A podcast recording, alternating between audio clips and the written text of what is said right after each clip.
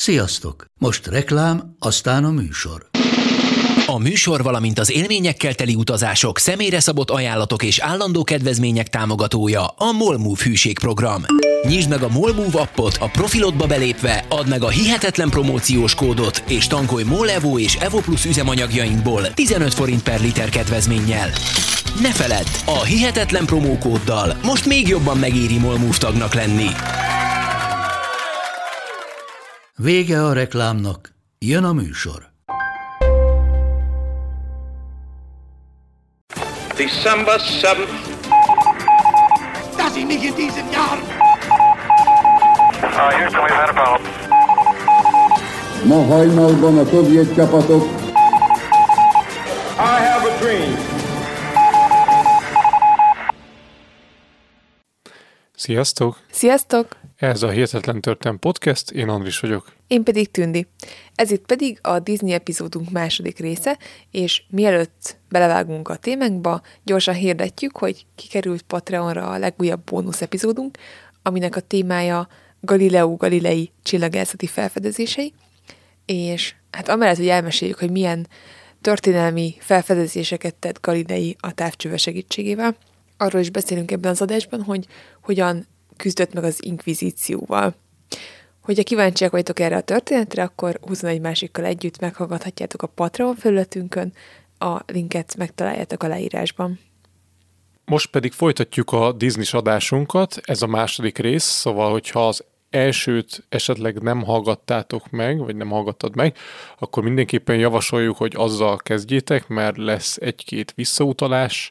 Ugye miről is beszéltünk az első részben, ott hagytuk abba, hogy a hófehérke egy hatalmas siker lett, de ezek mellett beszéltünk Disney gyerekkoráról, Mickey Mouse megrajzolásáról, és arról, hogy milyen fontos szerepe volt a magyar származású Winkler Margitnak a Disney stúdió létrejöttében. A hófehérkénél hagytuk abba, és még egy kicsit elidőzünk itt, ugyanis arról még nem beszéltünk, hogy a hófehérke sikere, illetve az a sok munka, amit Walt Disney beletett ebbe a filmbe, hogyan hatott a házasságára. Hát talán sejtetitek, hogy nem túl jól. Amúgy is Disney nagyon munkamániás volt, ahogy ugye már korábban beszéltünk erről, hogy néha visszaállította az órát, hogy a felesége azt higgye, hogy korábban van, hogy ezáltal ő, mert mint Disney több időt tölthessen a stúdióban. És ugye a hófehérkének volt egy, hát egy ilyen befejezési határideje, amikor mindenki ezerrel dolgozott, és tényleg éjjel-nappal csak a hófehérkét rajzolták. Úgyhogy Liliennel gyakorlatilag, már Liliennel a feleségével gyakorlatilag alig töltött időt. A hófehérke készítése alatt felmerült, hogy elválnak, annyira megromlott a házasságuk, és a lányuk, Diane úgy emlékezett vissza, hogy volt, hogy az egyik nap lement reggelizni, és akkor a konyhafalon egy hatalmas barna foltot talált, amiről később kiderült, hogy a szülei veszekedtek, és Lilian hozzávágott egy csésze teát Walt Disney fejéhez, ami szerencsére nem talált, hanem a falon csattant, és ugye így keletkezett ez a folt. Végül aztán a pár ki tudott békülni, és nem sokkal később úgy döntöttek, hogy örökbe fogadnak egy kislányt. Liliennek több vetélése is volt, ezért is döntöttek az örökbefogadás mellett. A nyilvánosság előtt ezt titokban akarták tartani, ezért az adoptált gyermekért nem ők mentek el a kórházba, hanem a kertészüket küldték érte. Az új családtag Sharon volt, és neki hosszú ideig nem mondták el, hogy nem vérszerinti gyerekük, hanem örökbe fogadták. A hófehérke sikerén felbuzdulva számos filmötlet került a stúdió látókörébe, ugye 1938-ban járunk, és Disney ekkor szerezte be a Mici Mackó megfilmesítési jogait, tárgyalt az Aliz Csodaországban és a Pán Péter jogaiért, valamint elkezdték a Bambi film forgatókönyvét írni. Egyébként ekkor változtatták meg a cég nevét Walt Disney Production-re is, ami jobban kifejezte azt, hogy a stúdiónak széles a portfóliója.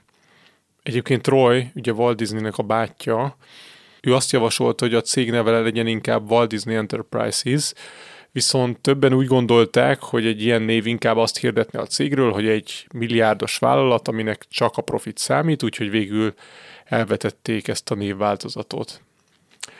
A hófehérke sikerével párhuzamosan egyre inkább romlott a stúdió munkatársainak és Walt Disneynek a kapcsolata. A korábban közvetlen cégvezető egyre inkább kezdte magát kivonni a stúdión belüli társasági életből, és egyre inkább megközelíthetetlenné vált. A felesége úgy fogalmazott ezzel kapcsolatban, hogy Walt Disneynek egyszerűen nem volt ideje barátságokat kötni. Ettől függetlenül, hogy megkezdődött ez a távolodás, Walt Disneynek az volt a célja, hogy a stúdió az egy olyan munkahely legyen, ahova mindenki örömmel jár be, ahol jók a fizetések és jó a közösség. Éppen ezért kezdett bele a hófehérke profitját felhasználva egy új stúdió építésébe Los Angeles külvárosában. Az új stúdió az nagyon nagy szabású volt, ugyanakkor gyönyörű munkakörnyezetet teremtett a dolgozóknak. Egyesek szerint olyan volt a stúdióban található épületek között a zöld területeken sétálni, mint hogyha az ember a Central Parkban sétált volna. Walt Disney sikereit talán egyedül az apja volt, aki továbbra sem ismerte el. Ő például, amikor a fia körbevezette ebben az új gyönyörű stúdióban, és megmutatta neki azt, akkor állítólag azt mondta a fiának, hogy mire jó ez az egész, végül is, ha csődbe mész, akkor kórháznak még jó lesz. Tehát Walt Disney apja továbbra sem volt támogató. A stúdióban párhuzamosan dolgoztak a Bambi és a Pinocchio történetén, azonban a filmkészítők folyamatosan zsákutcába futottak. Ugyanis Disney ellentétben a hófehérke gyártásával itt már sokkal kevésbé folyt bele a munkákba. Időnként megjelent ugyan a meetingeken, ahol a munkatársak elmondták neki azt, hogy meg megmutatták azt, hogy mikkel haladtak, azonban Disney gyakran kifejezte a csalódottságát, és volt, hogy már teljesen kidolgozott jeleneteket lesöpört az asztalról. Az egyik animátor keserűen emlékezett vissza egy két napig tartó meetingre, ahol Walt Disney részt vett, és a végeredmény az volt, hogy a korábbi történet felét Disney gyakorlatilag a kukába dobta. Majd a kimerítő meeting végén felállt Disney, és mosolyogva azt mondta, hogy na, ez egy kiváló gyűlés volt. Ezután pedig az animátor azon gondolkodott, hogy oké, de ha ez egy jó gyűlés, akkor milyen lehet egy rossz. Például a Pinocchioval kapcsolatban azon ment a vita, hogy a fiú, aki egy életre kelt fabábú, mennyire legyen húsvérgyerekszerű, vagy mennyire hasonlítson jobban egy fabábúra. Eközben pedig készítették a Bambit, ahol annak érdekében, hogy minél jobban tudják az animátorok lerajzolni az őzet és a mozgását, élő őzeket hoztak a stúdióba, és az első három-négy hónapban csak azzal foglalkoztak az animátorok, hogy tanulmányozták az állatokat és a mozgásukat. Van is egy kép, amit majd beteszünk a második montázsunkba. Egyébként az elsőt, hogyha még nem néztétek meg, akkor a Facebook oldalunkon megtaláljátok. Szóval van egy kép, ahol körbeülnek az animátorok, és a stúdió közepén ott egy őz, és mindenki ezerrel rajzolja azt, a, azt az aranyos kis őzet. Viszont hát előfordult némi kalamajka, ugyanis az őzeket egy kis karámban tartották a stúdió kertjében, és a közelben volt egy erdő, ahonnan hát beszökött az őzekhez egy bak, akit a rendező asszisztensnek kellett befogni a lasszóval. Nem sokkal később pedig mindkét őz valahogy elszökött, és az animátorokat küldték ki az erdőbe, hogy keressék meg őket és hozzák őket vissza. Mondjuk, amikor én ezt olvastam, akkor gondolkoztam, hogy ez hogyan történhetett, szóval így elképzelem, hogy egy animátor vagyok, kiküldnek az erdőbe, és akkor megyek, baktatok, és akkor azon gondolkozom, hogy jók, és mi van, hogyha meglátom az őzet, hogyan hozom vissza. Amit azt tudod, hogy végül sikerült őket visszahozni? Elvileg igen, de hogy ez hogyan történt, azt, azt nem hm. tudom. A két film elkészültét leginkább amúgy azt korlátozta, hogy miközben ugye párhuzamosan dolgoztak a két történeten, Walt Disney belevágott egy harmadik projektbe, még 1937 nyarán, amikor Walt elment az egyik Los Angeles étterembe vacsorázni, egy köztiszteletnek örvendő zeneszerző Leopold Stokowski áthívta a saját asztalához, és ugye beszélgetni kezdtek, és ez a beszélgetés azzal zárult, hogy megbeszélték, hogy milyen jó lenne egy klasszikus zenéket feldolgozó rajzfilmet készíteni együtt. Ebből lett később a Fantázia című film. Ugye tudjátok, ebben van az a varázsló sapkás Miki Egér. Ugye már biztos sokan láttátok Miki Egeret ilyen kék süvegben, és az ebből a filmből egy részlet. Amúgy nekem ez a fantázia kimaradt, tehát én ezt nem láttam sose. Én most az adásra készülve ezt is, hát, hogyan mondjam, átpörgettem nagy vonalakban, és amúgy én sem láttam korábban még, tehát ez nekem egy ilyen teljesen új élmény volt. Szerintem mivel nem gyerekeknek készült alapvetően, ezért a mai generációk, mai gyerek generációk közül valószínűleg kevesebben ismerhetik. És nekem az egyik kollégám volt most a Disney 100 koncerten, és azt mondta, hogy a fantáziából is volt egy dal, ő, viszont amikor mondtam neki, hogy hát ez egy 40-es film, ha jól tudom, akkor ő azt mondta, hogy annál újabbnak tűnt, és ez azért lehet, mert 2000-ben is kiadtak egy, vagy hát 99-ben készítették, de az a cím, hogy Fantázia 2000, tehát ennek van egy újabb verziója is, amiben más számokat, zenei számokat dolgoztak fel. Az, hogy mi legyen ennek a koncertfilmnek a címe, azon nagyon sokáig tanakodtak a stúdióban, a filmforgalmazó egyszerűen azt a címet adta volna a filmnek, hogy a koncertfilm, ami valljuk be, tényleg nem lett volna a legjobb választás, úgyhogy a dolgozók között kihirdették, hogy küldjenek be ötleteket a film címére, összesen 800 címet küldtek be a dolgozók, és végül ebből választották ki a Fantázia címet. Aki nem ismerné esetleg a filmet, az egy olyan filmet képzeljen el, ahol nincs egy A-ból B-be tartó sztori, hanem gyakorlatilag gyakran ilyen szürreális képeket látunk egy ilyen formálódó világról.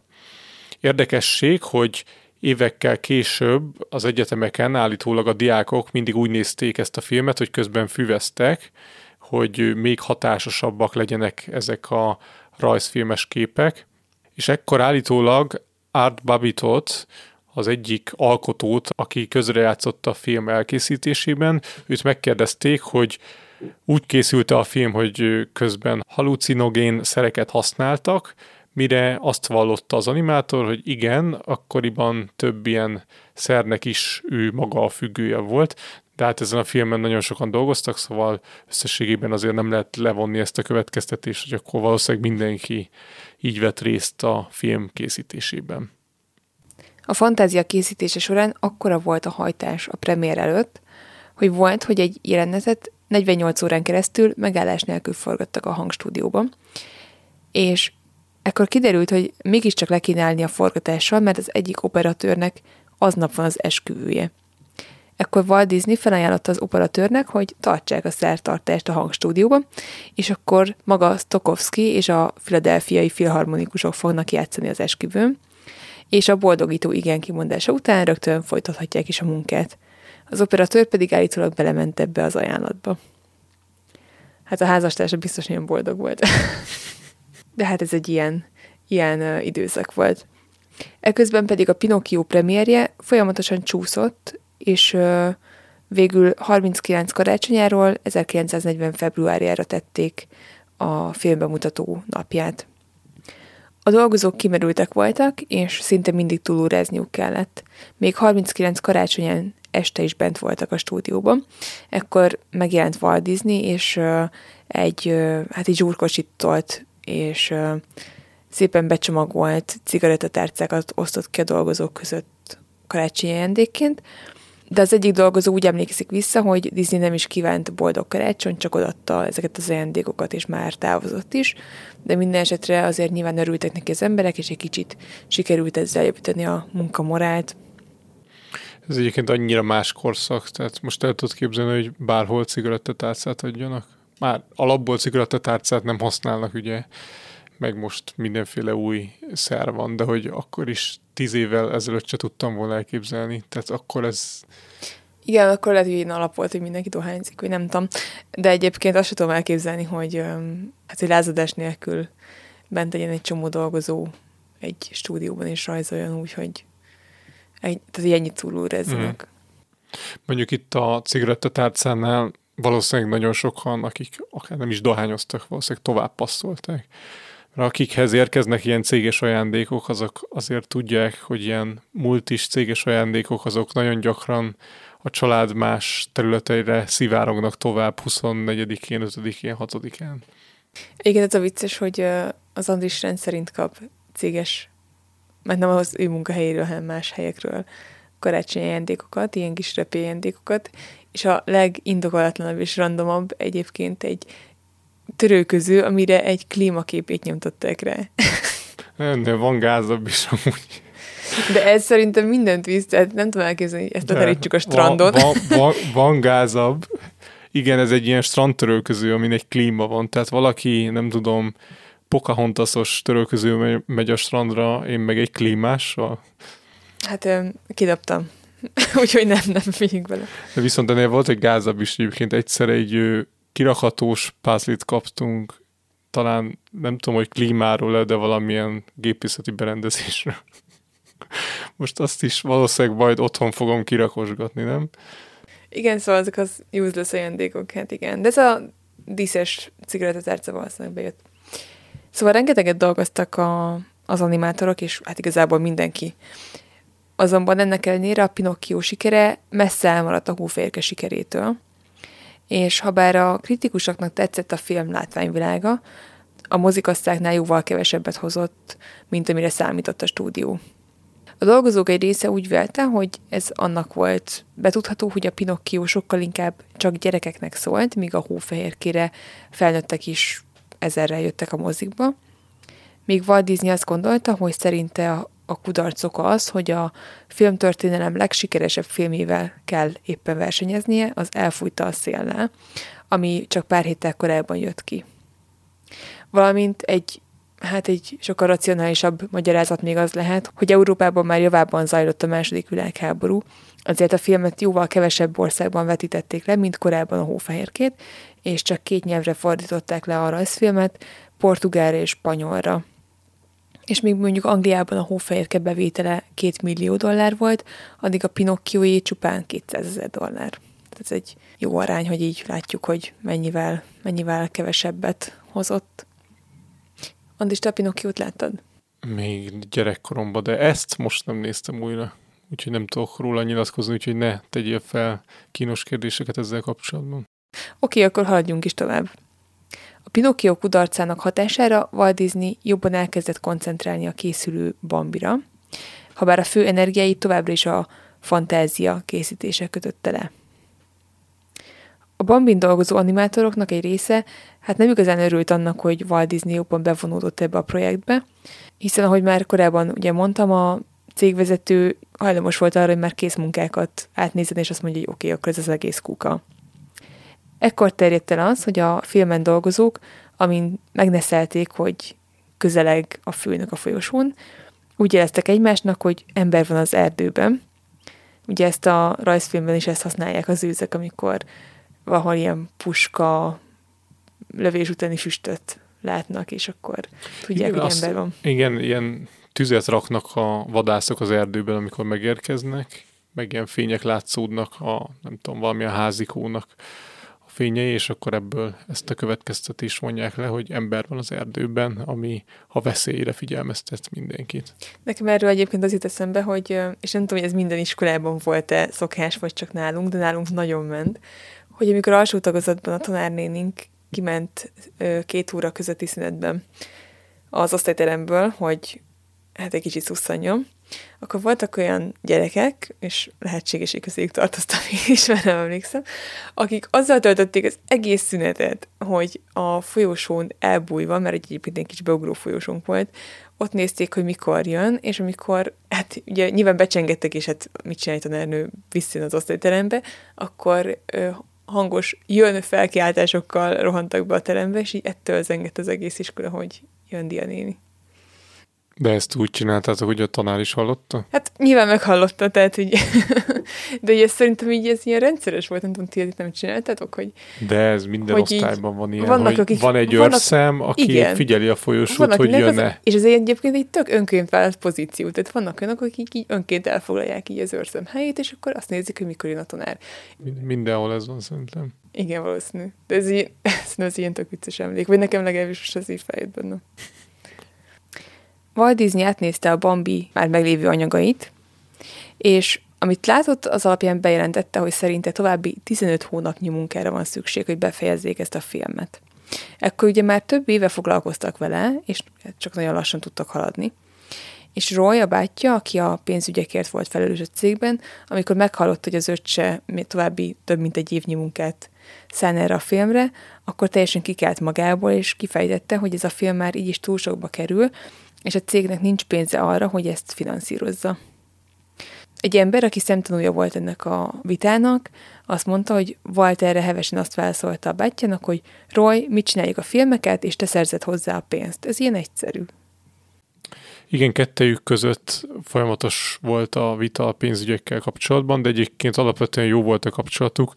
A 60-as években romlott el egyszer igazán egy rövid időre, amikor talán egy hónapig nem beszéltek egymással, vagy valami ilyesmi, de amúgy kimondottan jó kapcsolatuk volt.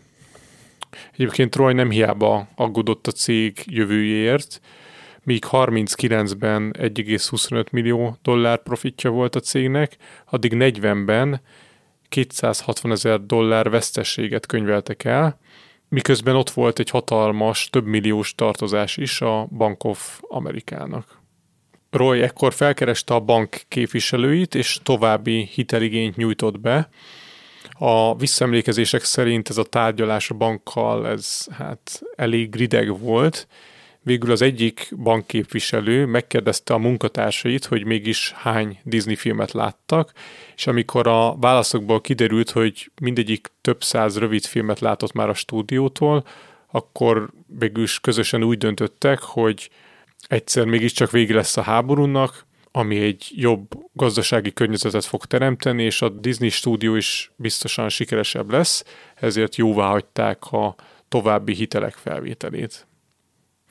Ekközben a Bambi mostoha története tovább folytatódott, és ahelyett, hogy befejezték volna a filmet, Walt Disney ismét másra kezdett el koncentrálni, méghozzá a Dumbóra. Úgy vélte, hogy az egy rendkívül egyszerű történet, és nagyon gyorsan elkészíthető, és amíg a Bambi projekt nagyon lassan halad előre, addig ki tudnák hozni a Dumbót. Az, hogy miért tudták ilyen gyorsan elkészíteni ezt a kis elefántos filmet, az annak volt köszönhető, hogy Walt Disney ezúttal lemondott a perfekcionizmusáról, és azt mondta, hogy nem ragaszkodik minden képnél, hogy tökéletes legyen, hanem itt most tényleg az a cél, hogy minél gyorsabban készüljön el. Ami egyébként szerintem a, a végeredményen szerintem nem látszódik különösebben.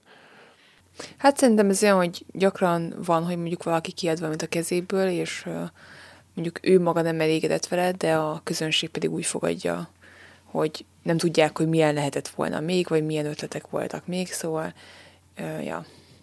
Én nagyon-nagyon régen láttam a Dumbót, szerintem te gyerekként utoljára, de így teljesen tetszett. Végül a premierek sorrendje úgy nézett ki, hogy először megjelent a Fantázia, aztán a Dumbo, és végül csak 1942 nyarán a Bambi, Ekkor ugye már Amerika is közel egy éve belépett a második világháborúba. Ezek a filmek közül egyik sem volt olyan kimagasló siker, ami megoldotta volna a cég anyagi problémáit, és Roy akkor bejelentette, hogy ezen túl csak az ő hozzájárulásával kezdhetnek bele új film készítésébe. Ez egyébként, hát valószínűleg igencsak indokolt volt. Ugye kívülről úgy néz ki, hogy Walt Disney valamiért elveszítette a fókuszát, és mindig éppen valami másra koncentrált, ami, mint amin éppen dolgoztak a, vagy dolgozott a csapata, és ez ahhoz vezetett, hogy a filmpremiereket folyamatosan el kellett halaszgatni, és így a gyártási költségek az egebbe szöktek. Én ezt őszintén nem értettem egyébként a készülés során, tehát hogy igen, tehát szerintem ez a profizmushoz annyira hozzátartozik, hogy oké, okay, ezt erre a határidőre akarjuk készíteni, akkor mindenki a cégnél ezen dolgozzon. De nem, hanem ilyen párhuzamosan futottak ilyen projektek, az egyik néha nem tudom, sokkal többen dolgoztak rajta, aztán átcsoportosítottak mindenkit egy másikra, tehát ilyen teljesen kaotikus volt kívülről nézve. Hát valószínűleg Disney nagyon azon volt, hogy mi az, ami több profitot hozhat, meg több sikert, és akkor, ha eszébe jutott valami, akkor azon gyorsan el akart kezdeni dolgozni. Disney lánya úgy, úgy gondolta, hogy a Bambi kudarca annak volt köszönhető, hogy hát Bambi anyukáját megölik a filmben, és erre Walt Disney azt mondta, hogy hát ugye Bambi anyja az eredeti könyvben is meghalt, de a lánya azt mondta, hogy hát, de hát hogy az apja Walt Disney, ő bármit megtehet, amit csak akar. Tehát igazán életbe hagyhatták volna az őzmamát. Egyébként a Bambi filmet nem csak Walt Disney lánya fogadta kicsit negatívan, hanem az Országos Vadászszövetség is teljesen felháborodtak rajta, mert úgy látták, hogy a vadászokat nagyon negatívan állítják be, és ilyen támadásnak vélték ezt az egész rajzfilmet, ami őket vadászokat negatívan állítja be a közvélemény előtt.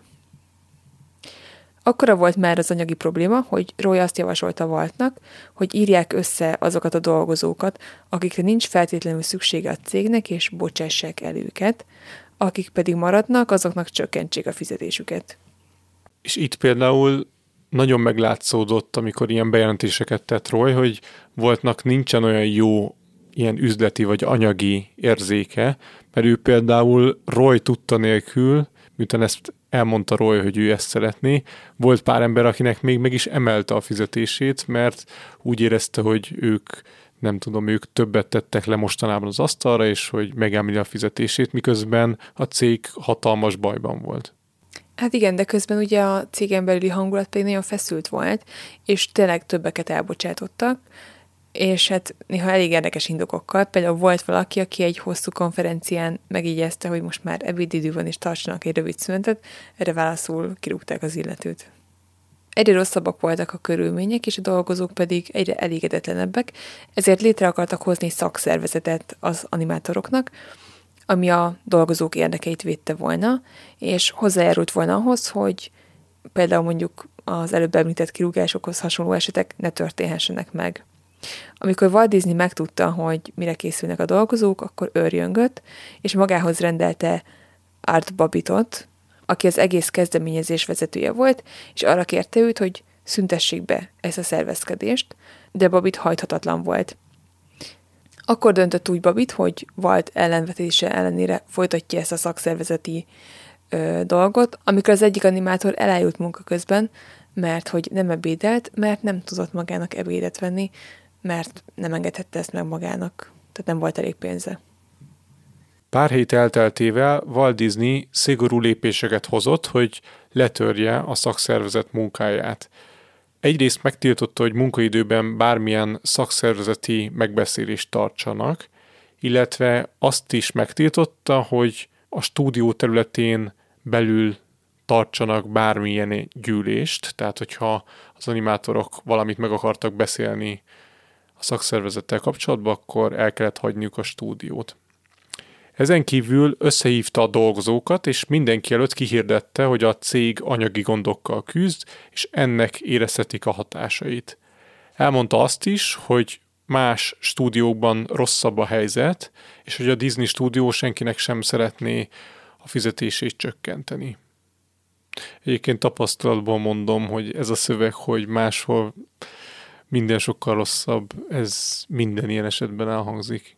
Vagy legalábbis én ez nem tapasztalat, ezt hallottam valahol.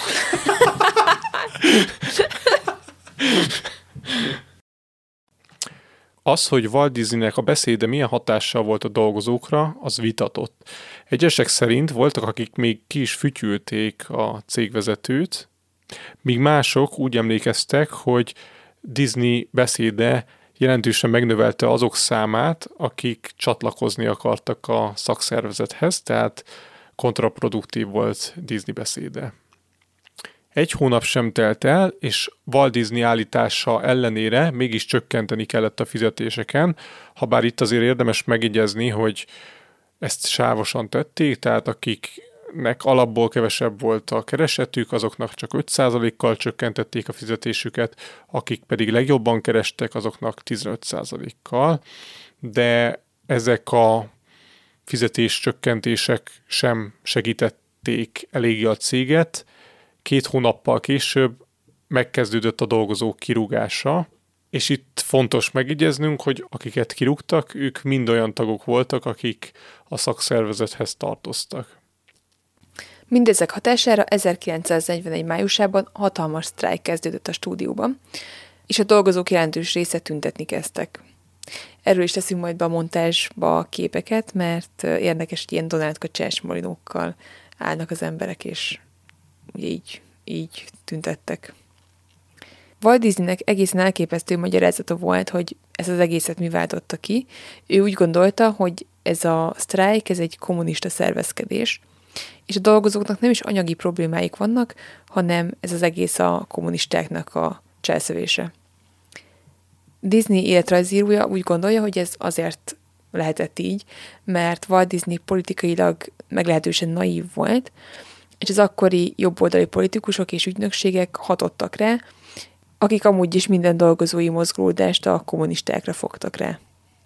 Walt Disney állítólag még az FBI-nak is elküldte egyes tüntetők arcképeit, hogy a hatóságok nyomozzák ki, hogy milyen kommunista ügynökök vannak a stúdióban, és kik lehetnek a felbújtók. Végül közel két hónapos húzavona után sikerült megállapodni a sztrájkolóknak és a cégvezetésnek, de ez igencsak megviselte a céget, és Walt Disney örökségére is rányomja a bélyegét. Az akkori dolgozók sosem felejtették el, hogy miként bántak velük, és hogy Walt Disney hogyan próbálta meg letörni az ellenállásukat. A dolgozói létszám pár hónap alatt drasztikusan csökkent, a sztrájk előtt kb. 1200-an dolgoztak a Disney stúdiónál, és utána már csak 700 fő körül. Az események Disney-t is megviselték, ő valahogy mindig úgy képzelte el, hogy ő egy tökéletes munkahelyet teremt meg a dolgozói számára, és ők ezért cserébe hálátlanok voltak, és hátba szúrták őt. Tehát úgy ő ezt egy ilyen árulásként élte meg az egész eseménysorozatot. Ezt követően pedig a dolgozók már teljesen másképp tekintettek a főnökükre, és több személyes visszemlékezés szerint féltek is Walt Disney-től. Például, amikor voltak forgatókönyvíró gyűlések, akkor többen idegesek voltak Walt Disney jelenlétében, és gyakran kínos feszült csend volt a teremben. Volt egy dolgozó, aki már több mint tíz éve ismerte Walt Disney-t, de amikor egyszer egy előadást kellett tartania a főnökének, akkor az előadás után ö, annyira ideges volt így végig, hogy az előadás után elhányta magát. És ugye továbbra is ment ez az ember az erdőben felkiáltás, amikor jött Walt Disney, tehát hogyha hallották a léptét a folyosón, akkor ugye összesugtak, hogy ember az erdőben, és akkor így feszülten várták, hogy megjelenjen Walt Disney. Igen, és amit te mondtál, hogy alsó tagozatban hogyan leselkedtél, az ő esetükben sokszor könnyebb volt ez az idézőjes leselkedés, mert Walt Disney ugye nagyon sokat dohányzott és köhögött, tehát hogyha a folyosón jött, akkor már messziről lehetett hallani a köhögését, és ezzel úgymond elárulta magát, hogy mindjárt megérkezik az irodába. Most pedig beszéljünk a Disney filmek háborús propagandájáról. 1941. december 7-én Japán megtámadta Pearl Harbort, az USA pedig ugye belépett a háborúba, és ezzel megváltozott minden, főleg egy olyan stúdió életében, ami az előző években is kimondottan rosszul teljesített anyagilag. Pearl Harbor hírére teljes káosz tört ki Amerika nyugati partjainál, Ugye az emberek nyilván ekkor még nem tudhatták, hogy a japánok mennyire közelítették meg a kontinens partjait, ezért hatalmas volt a készültség. És erről egyébként már máshol is olvastam, érdekes, hogy erről kevés szó esik, mert mindenki Pearl Harborra és azok arra a szigetcsoportra koncentrál, amikor erről az eseményről beszél, de hogy a kontinens nyugati partvidékén tök nagy káosz volt ekkor, tehát nagyon sokan rettegtek, hogy akkor most mi fog történni. Ki tudja, lehet, hogy pár órán belül partra szállnak a japánok, tehát ilyen elképesztő elképzelések is voltak az emberek fejében. Még a támadás napján 500 katona lépett a stúdió területére.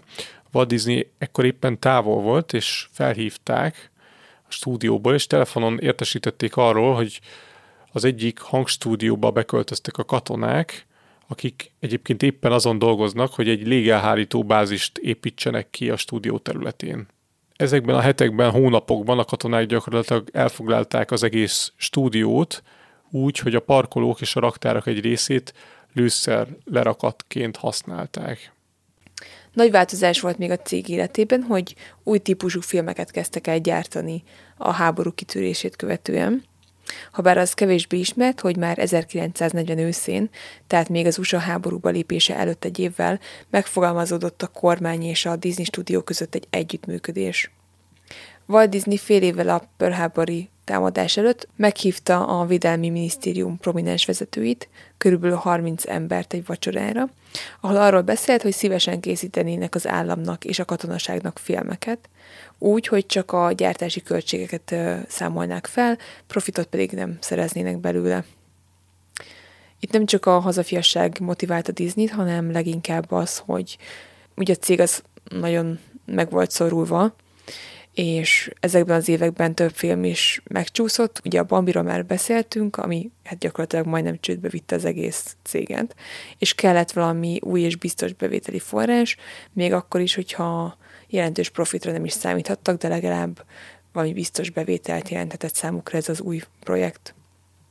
Aztán a japán támadás másnapján Disney-t felhívták az amerikai tengerészet vezetői, és egy nagyon rövid határidővel megrendeltek tőle 20 kisfilmet, ami repülők és hajók azonosításában segíti majd a hadsereg katonáit, tehát ezek nem ilyen rajzfilmek voltak, hanem oktatófilmek.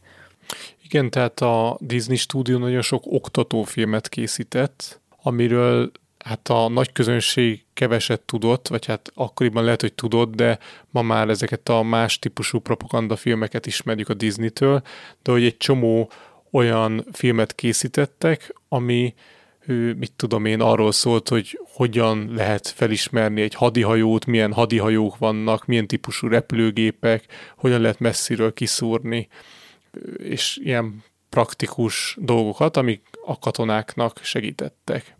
Egyébként volt egy olyan háborús Disney kisfilm is, aminek az elkészítésekor az animátorok a stúdió egyik épületének a tetejéről robbanószert lőttek fel a levegőbe, és annak a robbanását vizsgálták, hogy azt hitelesen rajzolhassák majd meg, és hitelesen animálhassák. Amúgy mindennel együtt, hogy azért tényleg elég sokat túlúráztak, és hát valószínűleg borzasztóan stresszes volt ezeknek az embereknek a munkája hogy azt, azt elmondhatjuk, hogy igen, csak változatos is, tehát amikor valaki jelentkezett a Disney stúdióba, akkor ment rajzolónak, akkor valószínűleg sejtelmesen volt róla, hogy őzeket fog hajkurászni az erdőben, és robbanószereket dobálni a tetőről.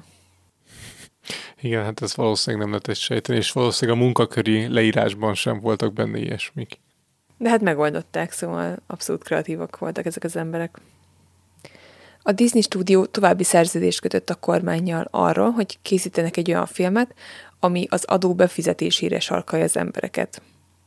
A kongresszus egyes tagjai szerint azonban az ilyen típusú állami megrendelések pont, hogy kontraproduktívak voltak, hiszen hogyha kiderül az emberek számára, hogy az állam mennyit fizet egy ilyen filmért, akkor csak azt térik el, hogy az adófizetők úgy gondolják, hogy az állam nem tud megfelelően bánni a rábízott pénzzel. Az ellenvetésektől függetlenül elkészült a film, amit nagyon sokan meg is néztek, és a statisztikák szerint 32 millióan látták, és a nézők 37%-a úgy nyilatkozott, hogy ez a film hatással volt az adófizetési szokásaira. Ha bár a kérdés úgy volt megfogalmazva, vagy a válasz, hogy az adófizetési szokása hatással van-e, az nem derül ki, hogy...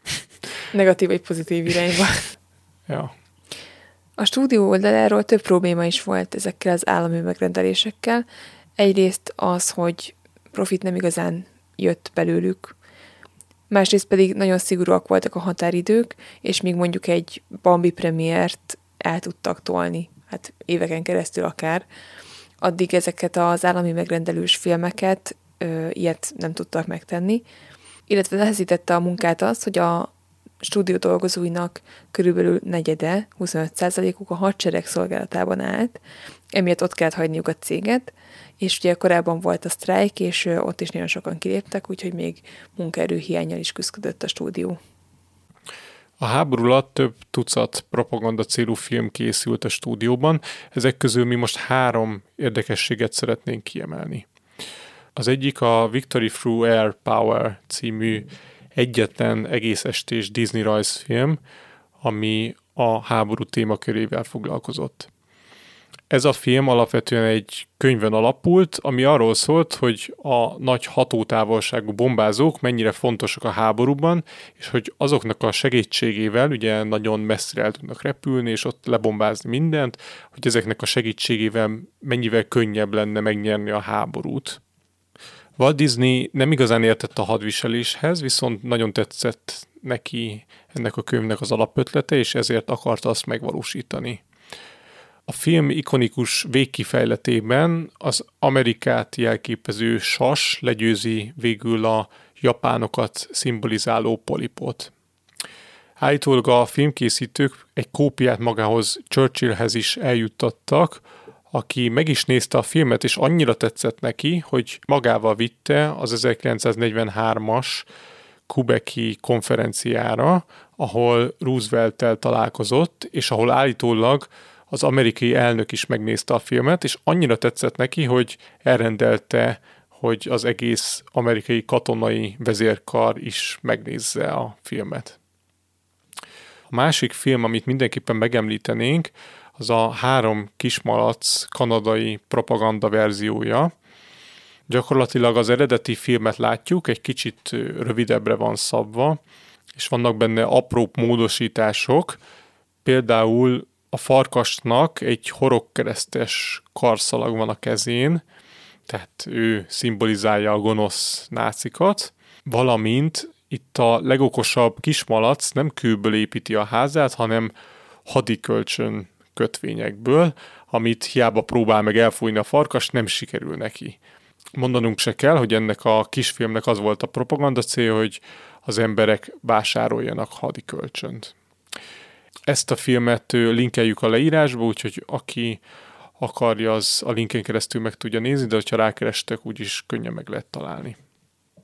A harmadik film, amit megemlítünk, aztán a legismertebb háborús propagandafilm a Disney stúdiótól, Donald Kacsa főszereplésével.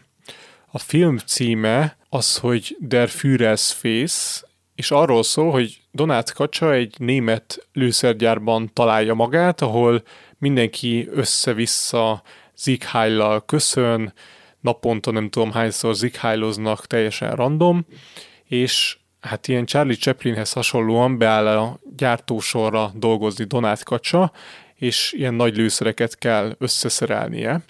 Azonban a gyártósoron egy csomószor megjelenik Hitlernek a képkeretes arcképe, aminek ugyanúgy köszönni illik, mint ahogy a többi katonának is tisztelegnek zighálozva, úgyhogy ez a humor forrása, hogy mindenki össze-vissza zighájlozik, és Donát Kacsa meg úgy próbálja összeszerelni a lőszereket, hogy közben egy csomószor elteri a figyelmét az, hogy éppen hova kell köszönnie Hitler arcképének.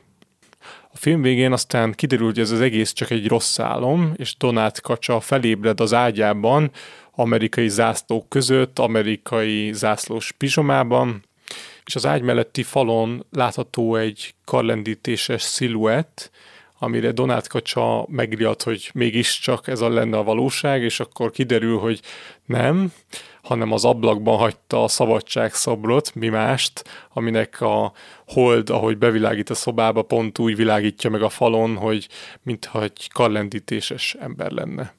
Akit érdekel ez a kis rövid film, ezt is linkeljük a leírásba. A háború évei alatt a Disney stúdió szinte kizárólag propagandafilmeket készített, és alig, ha nem ez mentette meg a céget a teljes csőttől. Két beszédes statisztikát is találtunk, az egyik, hogy 1942-ben a cég forgalmának a 75%-a a kormány részéről, kormány oldaláról jött, a másik pedig egy évvel későbbi, 43-ban a stúdióban készített filmek 94%-a propagandafilm volt. Aztán 45-ben végre lezárult a háború, és Walt Disney is felélegeztetett, és hát reménykedve nézett az előtt álló korszakra, és minden bizonyal nagyon örült, hogy végre akkor újra olyan meséket és filmeket készíthetnek, amik, hát amiket ők szeretnének, nem pedig ezeket a propagandafilmeket. Disneynek ugyanis sok filmetlete volt, amiket szeretett volna megvalósítani, ilyen volt például az Alice Csodaországban, Rémusz bácsi meséi és a Pán Péter, ezek meg is valósultak, de voltak olyan tervei is, amik sosem készültek el, például egy Andersen életrajzi film, egy Don Quixote adaptáció, illetve egy kevesek által ismert projekt, egy közös film elkészítése Salvador Dalival. Még 44 nyarán találkozott a két alkotó, hogy beszélgessenek egy közös projekt lehetőségéről, és 44 novemberétől el is kezdődött a közös munka.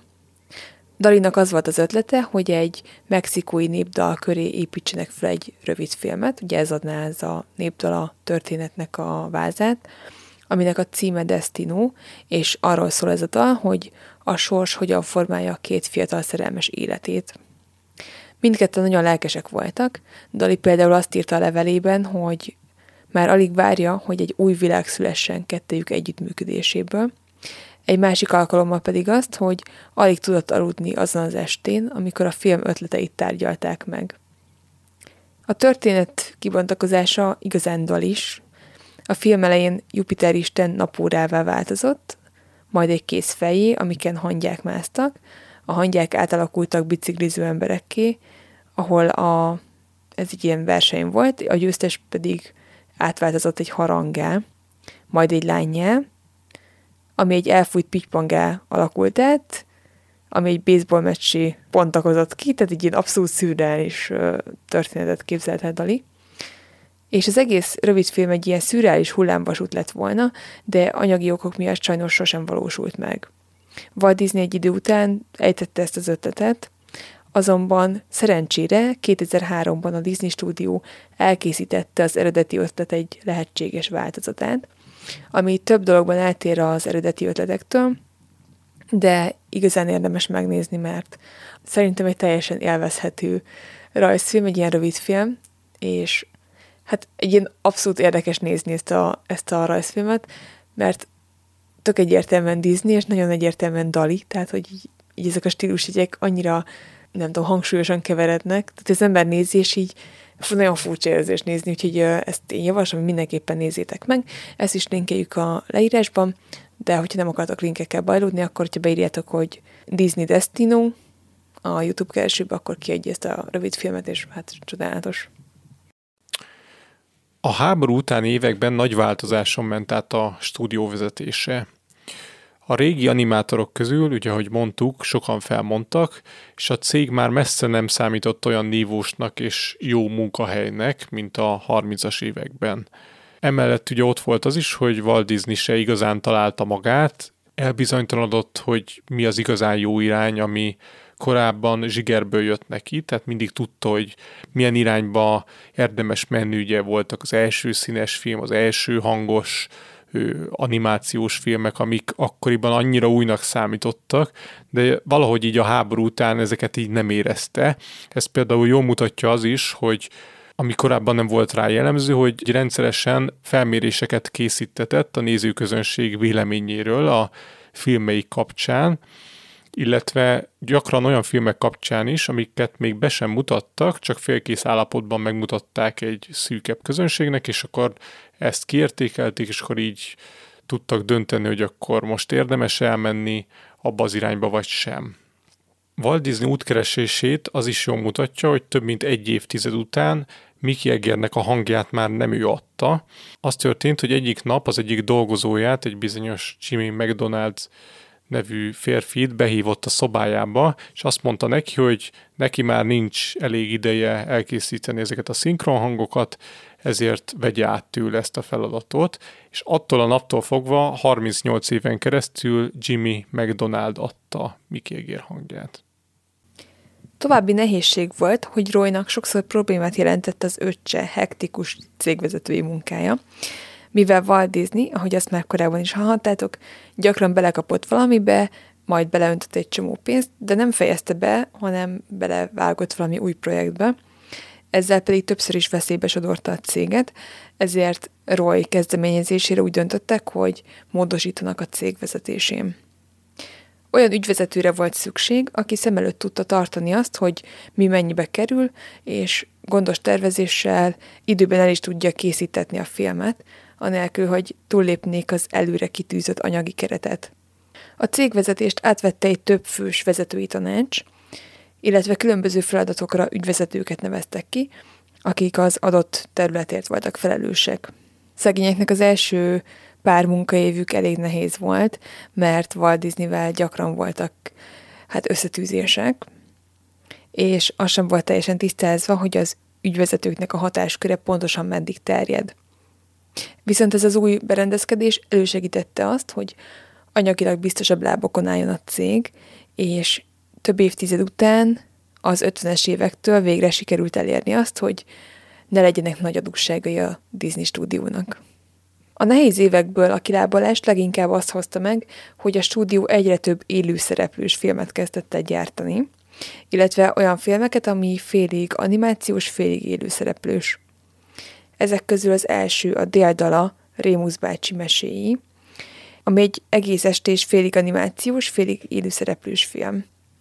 És itt kell most beszélgetnünk azokról a filmekről, amik hát kevésbé jól öregedtek a mai szemmel, kevésbé nézik jól sokan a, az akkori Disney filmeket. Igen, amikor készültem az adásra, akkor elindítottam a Disney Plus-on az 1940-es Fantázia című zenés filmet, és akkor láttam először, korábban nem találkoztam ezzel, előugrott egy ablak, és gyakorlatilag egy ilyen pár másodpercig egy ilyen hosszú leírás volt kiírva, amiben ő arról tájékoztattak, hogy az adott műsor, amit nézek, az bizonyos kultúrákat és emberi csoportokat lehet, hogy negatívan ábrázol. És nem tudom, hogy ti találkoztatok-e ilyennel, most egy részletet felolvasok ebből a szövegből. Ez a műsor negatívan és vagy bántóan ábrázol bizonyos kultúrákat vagy embereket. Ezek a sztereotípiák már a műsor készítésekor is helytelenek voltak, és helytelenek most is. A tartalom eltávolítása helyett úgy döntöttünk, hogy elismerjük annak káros hatását, tanulunk belőle, és beszélgetésre ösztönözünk mindenkit. Hiszen csak közösen tudunk létrehozni egy olyan jövőt, amelyben sokkal nagyobb együttérzéssel, elfogadással fordulunk egymáshoz. És akkor ezek után be van írva egy honlapnak a címe, ahol jobban utána tudsz olvasni annak, hogy miért vannak ezek, és hogy mit kell erről az egészről tudni.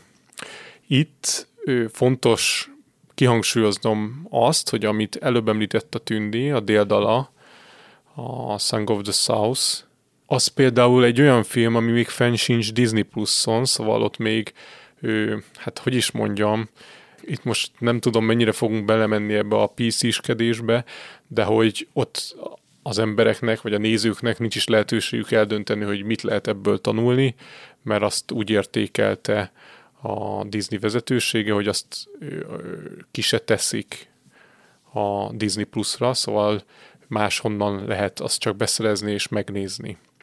Viszont arról mindjárt beszélünk is később, hogy mit kell róla tudni, de addig is nézzünk meg pár példát. Egy-két olyan jelenet van, amit így problémásnak ítéltek. Például a Dumbo-ban vannak a varjak, akik ugye ilyen zenészek, és akiknek a vezetőjét Jim Crownnak hívják az eredeti verzióban. Ma már őt Dandy Crownnak nevezték át. Ez pedig egyértelműen a Jim Crow korszakra utal Amerikában, ugyanis a Jim Crow egy gúnynév volt a feketéknek, és Jim Crow törvényeknek hívják azokat a rendelkezéseket, amik 1965-ig voltak érvényben, és elősegítették a fai szegregációt. Ráadásul ezek a varjak a rajzfilmben a korabeli feketék öltözékéhez hasonló ruhát viselnek, és az egyik dalban arról énekelnek, hogy amint készhez kapják a fizetésüket, azt rögtön el is szórják, ami akkoriban egy általános ilyen sztereotíp kép volt a feketékkel kapcsolatban. A Pán Péter című mesében az indiánokra vonatkozóan vannak sértőnek kikiáltott jelenetek, ugyanis az indiánok kultúráját nagyon leegyszerűsítően mutatják be, és hát nem igazán intelligensek azok az indiánok, akik a rajzfilmben szerepelnek. A macskarisztokratákban van egy rész, ahol egy kínai macska evőpálcikákkal zongorázik, és akcentusban beszél arról, hogy a szerencsésütik mindig hazudnak. És hát itt beszéltünk egymás között, hogy mi hogy látjuk, hogy most felsoroltunk párat, és hogy mi az, ami egyáltalán szerintünk belefére, mert itt azért lehet azt mondani, hogy már túltolt érzékenyítésről van szó, vagy nem is tudom, hogy ez a jó szó-e itt, de például azt, hogy a macska arisztokratákban a szerencsés ütikről énekel egy macska, aki... Hát ilyen, ilyen mandula alakú vagy vágott ö, szeme van, nagy fogai, és nem tudom, evőpálcikákkal zongorázik. Most nem tudom, én ezzel az egész kérdéssel úgy vagyok, hogy ugye gyakran lehet olvasgatni a, a hírekben ezzel a cancel culture kapcsolatban dolgokat, illetve hogy utólag ö, értelmezünk korábban létrehozott történeteket, rajzfilmeket, filmeket. Én ezzel mindig úgy, vagy én erre mindig úgy gondoltam, hogy én személy szerint mondjuk nem vagyok érintett ebben, úgyhogy nem én akarom megmondani, hogy ez jogos, vagy esetleg ö, már ilyen túlérzékeny, vagy túltol dolog, mivel nem vagyok személyesen érintve, ezért ö, azt gondolom, hogy azoknak kell eldönteniük, vagy azoknak kell megmondaniuk, akik mondjuk az adott etnikumhoz tartoznak. Szerintem ezzel együtt előfordulhat az, hogy semmiféle bántó vagy rossz szándék nem volt az alkotókban, egyszerűen csak humorosan akartak ábrázolni egy jelenetet, és akkor volt benne mondjuk egy ilyen karakter. Nem gondolom azt, hogy az egész kultúrát, még az egész kínai kultúrát akarták ezzel a jelenettel kigúnyolni, de még egyszer, mivel nem vagyok kínai származású, ezért, ezért nem érzem azt, hogy mondjuk nekem kell eldöntenem, hogy ez bántó-e vagy sem. Hát most, most ugye nagyon, nagyon érzékeny a Disney ezt. Ezt szerintem mindenki érezheti, aki, aki mostanában Disney Plus-on néz újféle rajzfilmeket vagy filmeket, és hát ez egy érdekes téma, mert amúgy lássuk be, hogy igencsak megosztó is. Tehát eltérnek a vélemények, szerintem mindenkinek megvan a maga véleménye, hogy mi az, ami már túl PC, mi az, ami, ami még belefér, de vannak olyan emberek, akik pedig üdvözlik ezeket a, az új döntéseket.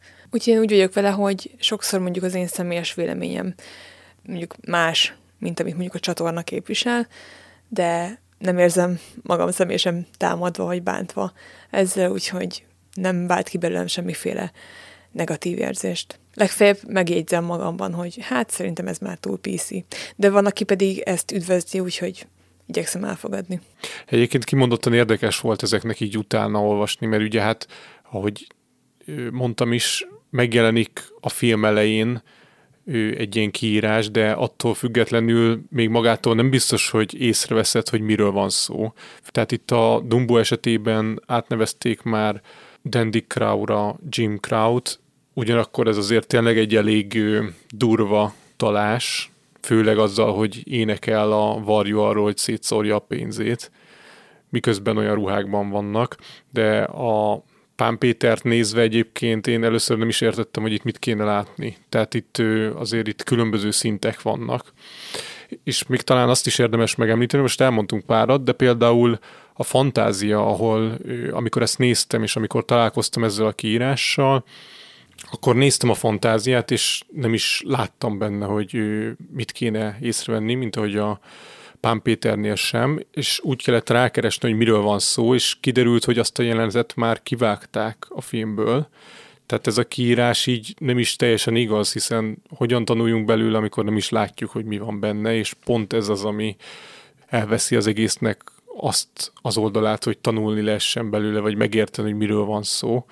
Ott konkrétan egy olyan rész van, hogy ilyen kentaurokat ábrázolnak, és van egy ilyen fekete kis kentaur, aki igazából egy ilyen szamár kentaur, és ehhez képest meg mellette van egy ilyen fehér, nagyon kecses lány kentaur, és a fekete kis kentaur az a kecses fehér kentaurnak a patáját, hát mint amikor elmész a manikűröshöz, akkor így csiszolgatja ami azért egy elég érdekes jelenet. Ezt például úgy oldották meg, hogy ugye, ahogy mondtam, nem látszódik a fekete kentaur egyáltalán, digitálisan kiszedték, és mivel ez egy ilyen távolabbi képben volt az eredetiben, tehát egy nagyobb képet láttunk, ezért rázumoltak teljesen ennél a jelenetnél a fehér kentaur lánynak a testére, meg az arcára, hogy ne látszódjon semmi, hogy mi történik azon kívül.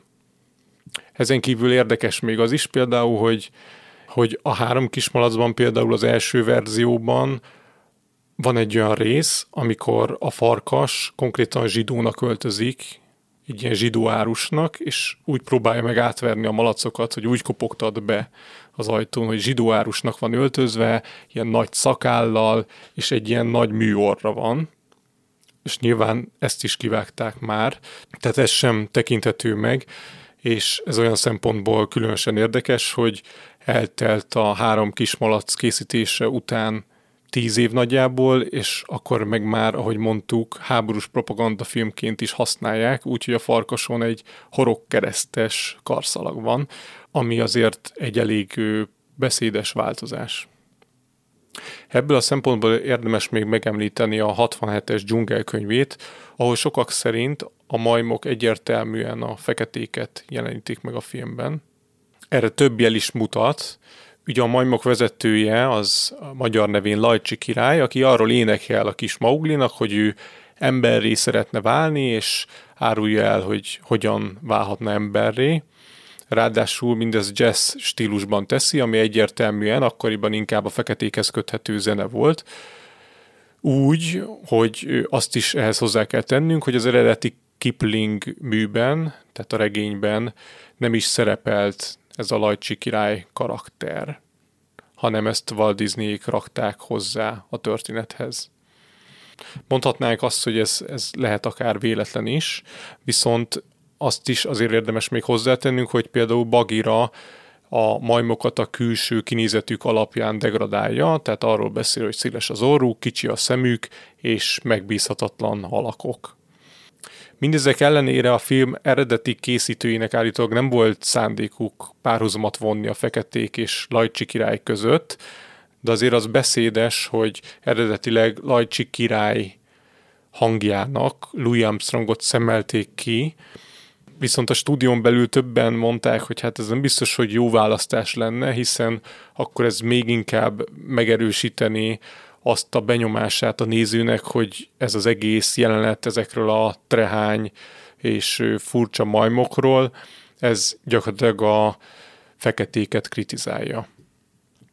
Hát itt adáson kívül beszéltünk arról, hogy most ez nyilván lehetett a, ez lehetett véletlen is, és itt is szeretnék visszautalni arra, amit Disney életrajzírója is mondott, vagy írt, hogy egyszerűen ebben a korban maga Walt Disney is inszenzitív volt ezekre a dolgokra, és kevésbé tűntek fel azok a dolgok, amire ma már sokkal érzékenyebben reagál a társadalom.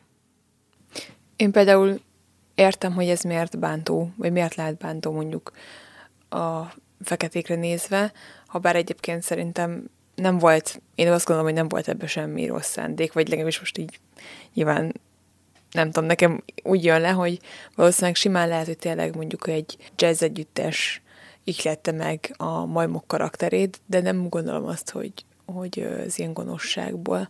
Most amúgy az jutott eszembe, hogy például a macska fogóban ugye vannak a, a denevérek, amikor a lustadik trombitálja uh-huh. az utolsó dalát. És a világ a... egyik leggeniálisabb szólója. Igen, nagyon-nagyon király ez a zene, és uh, ugye ők ilyen mexikói denevérek társaságában most akár, nem tudom, ez is lehet sértő, nem tudom, ugye amit, amit mondtunk, hogy azt is el tudom képzelni, hogy ez esetleg a mexikóiak találnák sértőnek, szerintem ebben a jelenetben sem volt semmi bántó szendék, hogy én azt feltételezem, hogy a Lajcsi király karakterében sem, egyszerűen csak egy vicces karakter, aki zenél, és ugye itt a rajzfilmekben, a Disney rajzfilmekben már megvoltak ezek a nagyon jó, dallamos rajzfilmslágerek, és nem tudom, ehhez passzolt ez a karakter.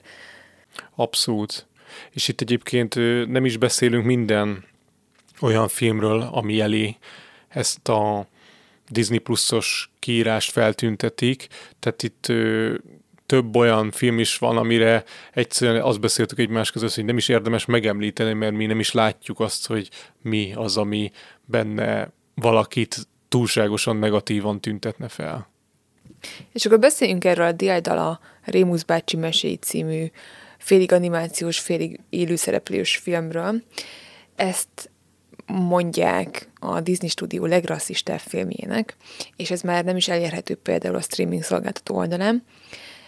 Ebben a történetben egy 19. századi kisfiú meglátogatja a nagymamáját, aki igazán tehetős, vidéken él, és a kisfiú nehezen viseli az elszakadást az otthonától, és a nagymama házánál dolgozik egy bácsi, aki Rémusz bácsi, aki egy fekete férfi, és neki legendás meséi vannak, és ezekkel a tanmesékkel szórakoztatja a gyerekeket a háznál.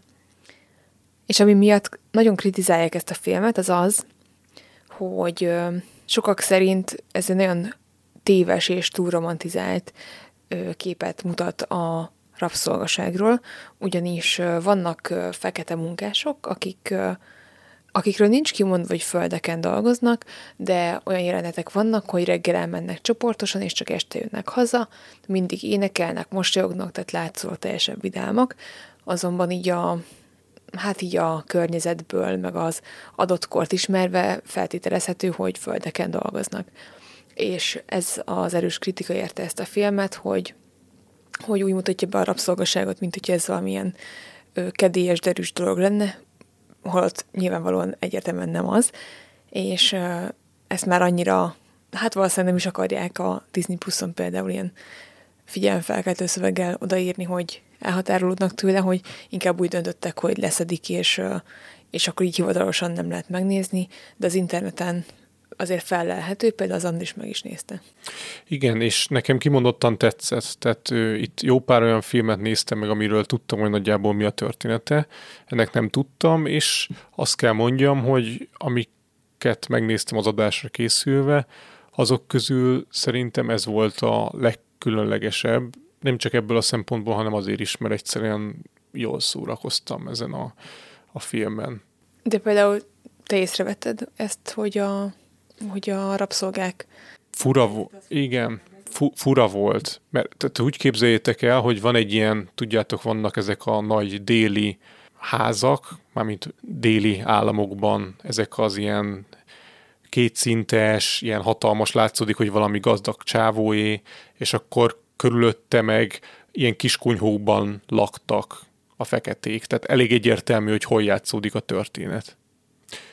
És tényleg vannak olyan jelenetek, ahol egy ilyen nagy körben ülnek a feketék, és így sztorikat mesélnek, zenélnek, és így kívülről tényleg egy kicsit már ilyen furán hatott nekem, ugyanakkor el tudom képzelni nyilván azt, hogy voltak olyan szituációk, amikor ezek, ezek az emberek vidámak voltak, tehát, tehát nyilván voltak ilyen helyzetek is, ugyanakkor ez tényleg egy kicsit ilyen furcsán hatott a filmben. Szerintem erről eleget is beszéltünk. Még talán azt érdemes megnéznünk, hogy Disney hát utólagos megítéléssel rasszista volt-e. Sosem tett rasszista kifejezéseket, vagy utalt a fehérek felsőbbrendűségére, de hogy akkoriban a legtöbb fehér emberre jellemző volt, a rasszizmusra inszenzitív volt. Ezt írja róla Disneyről az életrajzírója. És egyébként a déldalát ö, már 1946-ban sem fogadták teljesen pozitívan a közönség, és már akkor születtek olyan cikkek, amik felhívták az olvasók figyelmét a feketéknek a, az igencsak hibás vagy téves ábrázolására. Már 46-ban felmerült az, hogy mi lenne akkor, hogyha a déldalát úgy vetítenék le a moziban, hogy külön vetítik a fehéreknek, és külön a feketéknek, és hogy a feketéknek készült verzióból a legkritikusabb, vagy legjobban kritizálható részeket, azokat kiszedik, hogy ők ezt ne lássák. Persze ez szerintem még nagyobb felháborodást keltett volna, végül ez nyilván nem valósult meg, de azért itt elég sok ellentmondás volt ezzel a filmmel kapcsolatban. Van azonban egy sokkal pozitívabb megítélésű film Walt Disney filmográfiájában, amiről alig esik szó, mégpedig arról, hogy a stúdió ismeretterjesztő természetfilmeket is készített, méghozzá az elsőt a fókák életéről. A filmet egy könyv ihlette, ami azt dolgozta fel, hogy hogyan egyezkedett Japán és Oroszország a fókavadászatról. Egyébként ez a könyv a fókák szemszögéből mutatta be a helyzetet. Volt ötlete pedig az volt, hogy mi lenne, hogyha egyszerűen csak kimennének kamerával északra, Alaszkába, és megmutatnák, hogy milyen az eszkimók élete a part mentén élő fókákkal együtt. azonban az elkészült felvételeket unalmasnak találták, és ekkor döntöttek úgy, hogy mi lenne, hogy ha egyszerűen csak kivennék az embereket a filmből, és csak az állatokra koncentrálnának. Így született meg a Fóka Sziget című film, ami végül 28 perces lett, és itt egyébként bajban is voltak a producerek és a filmforgalmazók, hiszen ez egy olyan hosszúságú film volt, amit nehezen lehetett bepakolni más filmek elé, viszont ahhoz nem volt elég hosszú, hogy kitöltsön egy mozi estet, úgyhogy végül úgy vetítették egyébként, hogy más filmekkel együtt, de így is hatalmas siker lett a film, és el is nyerte az Oscar díjat rövid dokumentumfilm kategóriában, ami egyébként nem volt egy olyan borzasztóan régen létrehozott kategória az Oscar díjak történetében. Sokan úgy gondolják, hogy Disneynek ez a természetfilme, ez volt az első nagy lépés, hogy ilyen filmeket készítsenek világszerte, és ez mutatta meg azt az irányt, ami utána hát gyakorlatilag mind a mai napig jellemzi ezeket a filmeket, szép narráció, gyönyörű képek és zene, valamint az állatok tulajdonságainak bemutatása, úgyhogy azok az állatok érzelmileg közelebb kerüljenek a nézőkhöz. A 40-es években a Disney stúdió nem igazán tudott sikeres rajzfilmeket készíteni, és inkább csak az 50-es években találtak vissza arra az útra, amit elkezdtek hófehérkével. Ugye itt Disney korábban mondott ilyet a hófehérkével kapcsolatban, hogy ez egy ilyen teljesen új korszakot nyit meg a rajzfilmek terén, de aztán ugye csak az 50-es években sikerült újra felvenni a fonalat. Ekkor készült a Hamupipőke és az Alice Csodaországban is, és az utóbbival kapcsolatban érdekesség, hogy az Alice Csodaországban forgatókönyvére felkérték, vagy fel akarták kérni Huxley-t, aki a Szép új világnak az írója, de végül nem ő lett a forgatókönyvíró. Állítólag azért, mert Walt Disney a meetingeken mindig leszúrta őt, vagy kritizálta, nem fogadta az ötleteit, úgyhogy Huxley nál egy idő után betelt a pohár, és úgy döntött, hogy akkor feláll.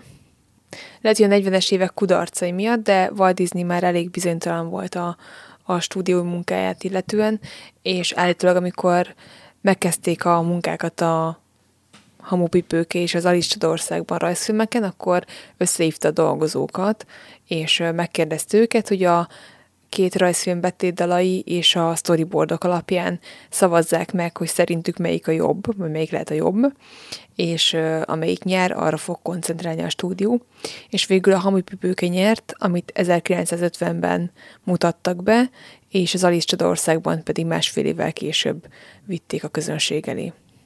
Amúgy érdekesség, hogy a Hamupipőke rajzolásánál felmerült az az ötlet, hogy amikor ugye a bálteremben vannak és ott táncolnak, akkor a közönséget mossák el, hogy ne kelljen egyesével megrajzolni a, az NPC karaktereket, illetve, hogy a tök hintó, amin ugye a bálba repül hamupipőke, hát igen, hogy inkább repüljön, tehát ne pedig a, az úton guruljon, mert hogy akkor a kerekek mozgását nem kéne animálni, csak a levegőben hát elszállna, elrepülne.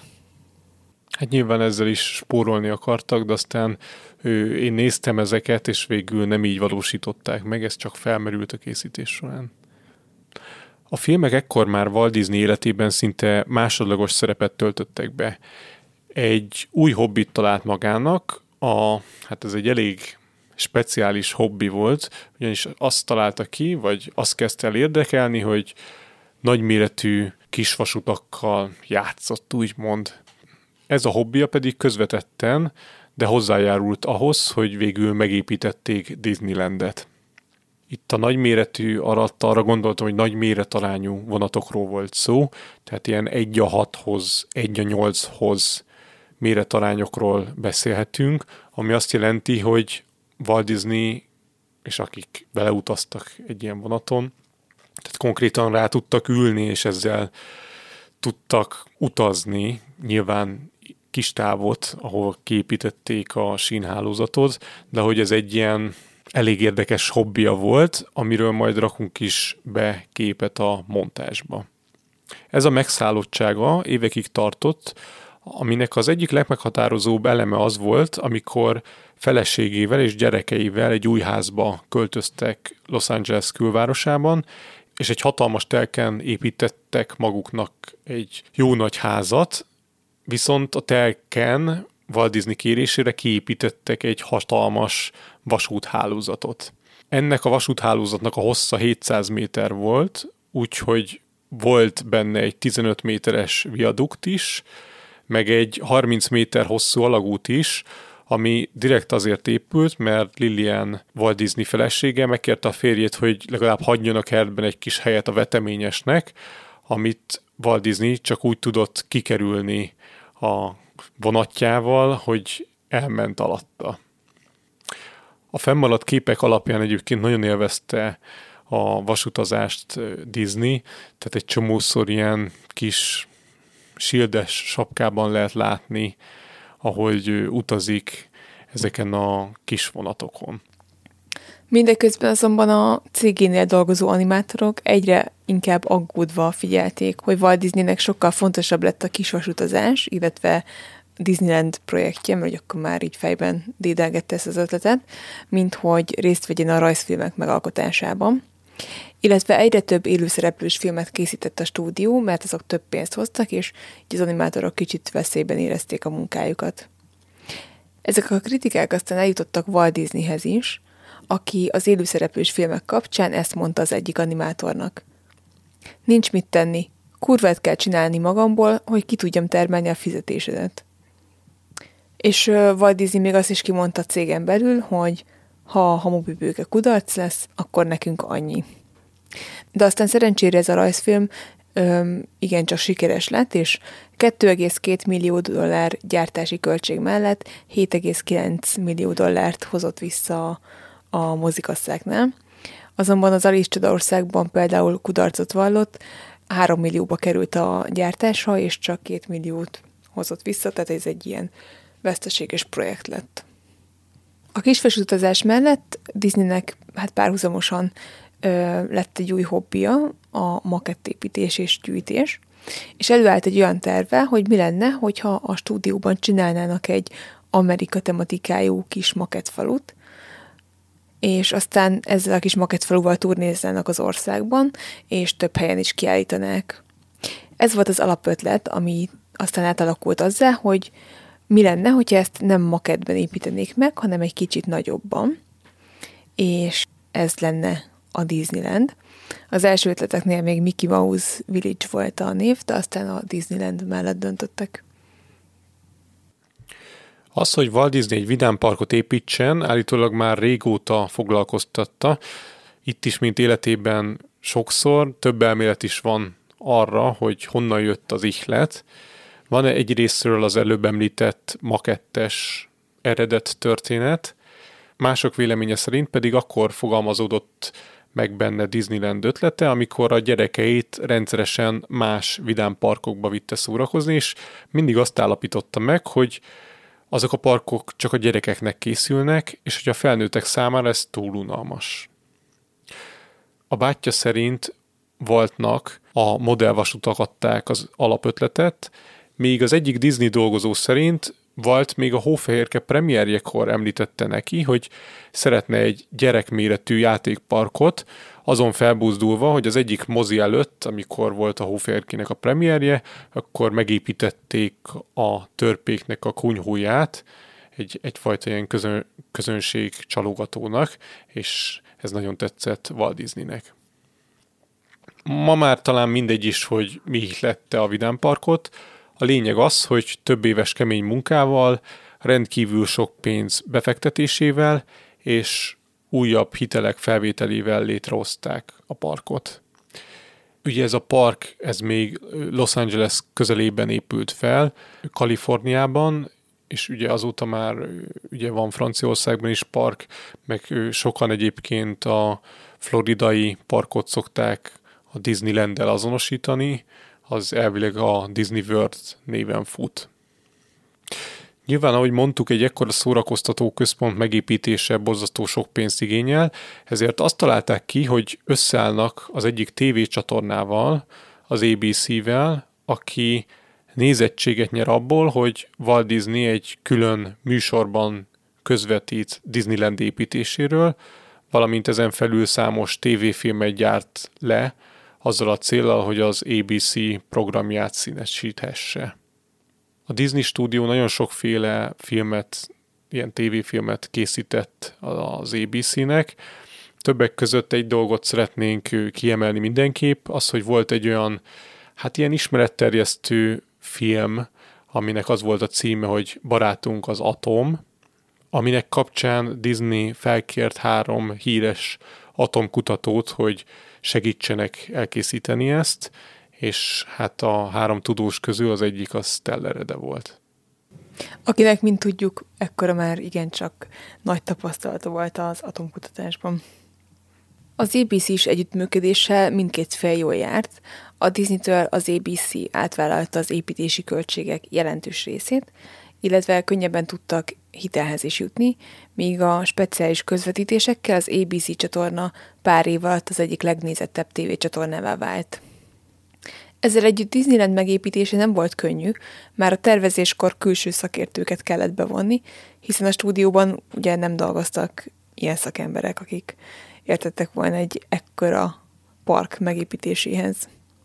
Felkerestek már üzemelő parkokat, ahol lemérték például a járdák szélességét, megszámolták az embereket, és megfigyelték, hogy hogyan mozognak, mert hogy milyen irányokba megy a tömeg.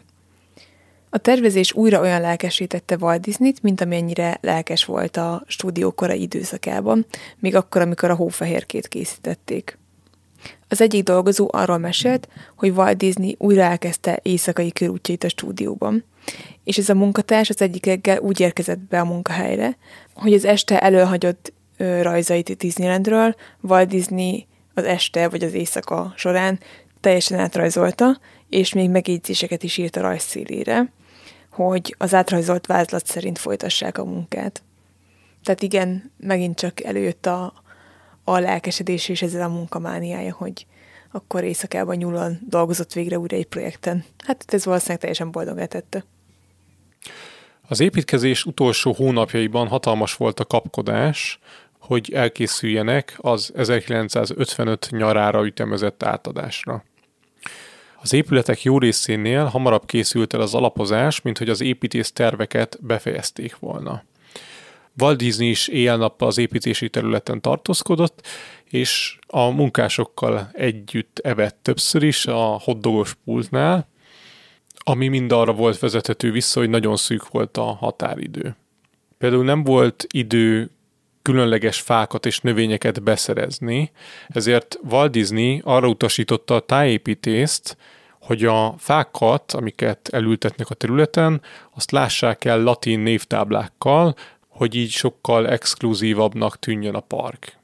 A Disneyland körüli szabad tereket pedig hiába locsolták ezerrel az átadás előtt, a fű nem nőtt ki teljesen.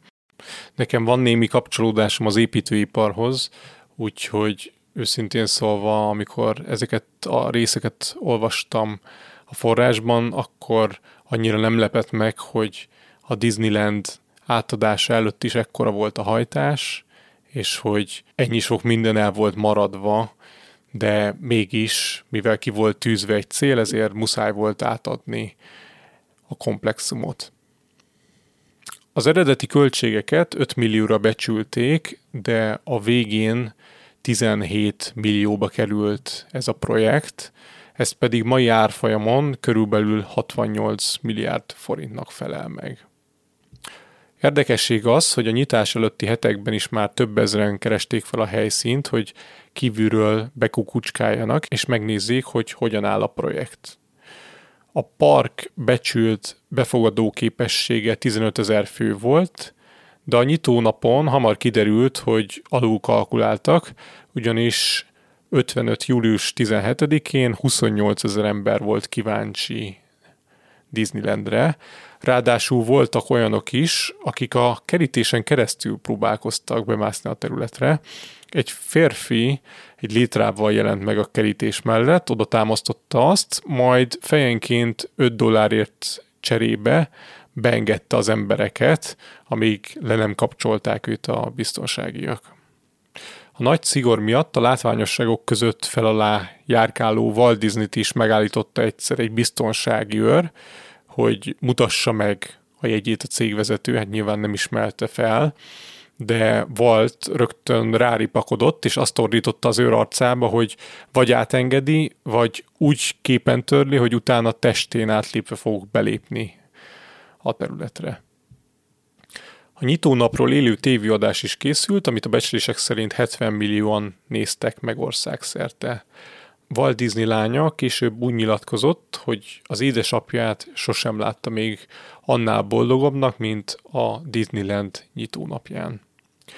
A Vidám Park hatalmas siker lett, naponta több tízezren látogatták, és csupán két és fél év elteltével már a 10 milliómodik látogatót ünnepelhették az üzemeltetők, amivel azokban az években népszerűbb látványosságnak számított Disneyland, mint a Yellowstone vagy a Grand Canyon.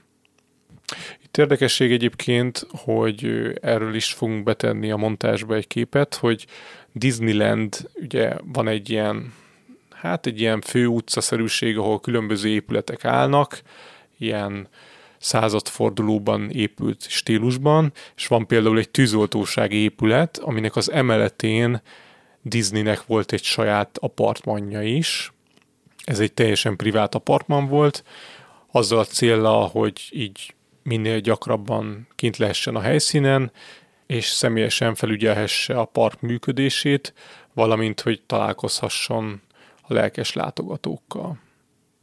És ezzel kapcsolatban, amikor erről olvastam, akkor ő, ráakadtam arra is, hogy a floridai Disneylandben is van egy ilyen speciális szoba, méghozzá a Csipke Rózsika kastélyában, tehát az a hatalmas kastély, ami a Disney World logójában is benne van, ugye azt megépítették, és hogy ebben van egy különleges szoba, amit voltak idők, amikor még ki lehetett venni, hát gondolom nem olcsón, és még szerveztek is oda ilyen turnusokat, de azóta ez már le van zárva, és nem lehet hozzáférni a látogatóknak, pedig ez mennyire poén lehet, hogyha ő, tudsz oda foglalni szállást, és meg tudsz szállni egy ilyen gyönyörű szobában, ami gyakorlatilag egy ilyen álomkastélyban található. Miközben Disneyland nagyon sikeres volt, az 50-es évek második felére a rajzfilmkészítés teljes válságba került a stúdión belül. Egyrészt azért, mert az élőszereplős filmek elkészítése egyszerűbb volt, valamint ezek a filmek több pénzt is hoztak, másrészt pedig ott volt a televízió hatása, ugye megjelent a televíziózás, ez pedig konkurencia volt a stúdiónak, és egy ilyen kihívást állította a hagyományos filmgyártás elé. 1957-ben a stúdió rövidfilmes részlegét teljesen leépítették, és az embereknek egyesével felmondtak.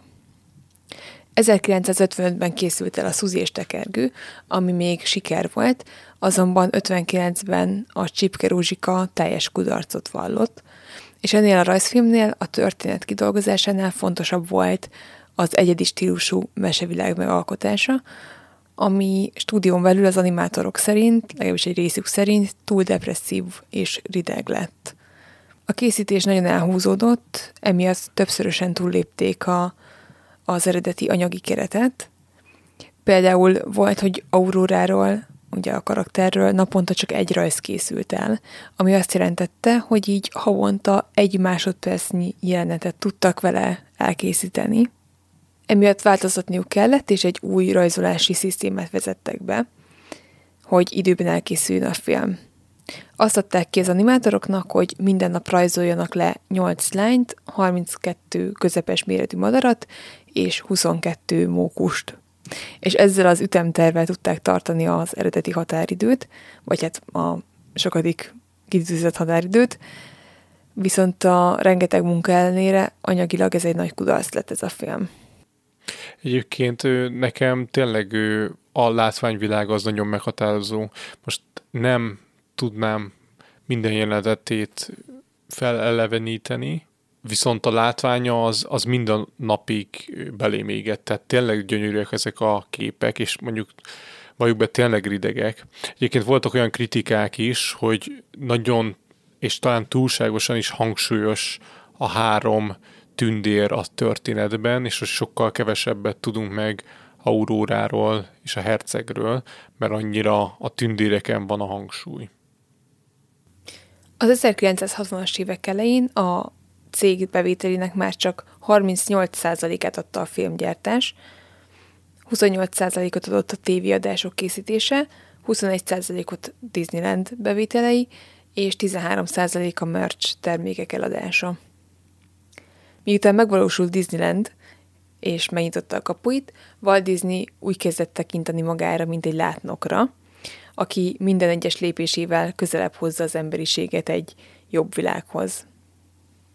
Több gigaberuházás gondolata is felsejlett benne, például, hogy megépíti a világ legnagyobb bowling központját, kiépít egy hatalmas kaliforniai síparadicsomot, egy Disneyland-szerű vidámparkot Ellis Islanden, New Yorkban, ide érkeztek ugye a bevándorlók Európából, de a 60-as években az energiáit leginkább az kötötte le, hogy a New Yorki világkiállításra speciális bemutató pavilonokat készített nagy amerikai cégeknek, például a General Electricnek, a Fordnak és a Pepsi-nek. Itt a világkiállítás kapcsán meg kell említenünk egy érdekességet, méghozzá az Abraham Lincoln robotot.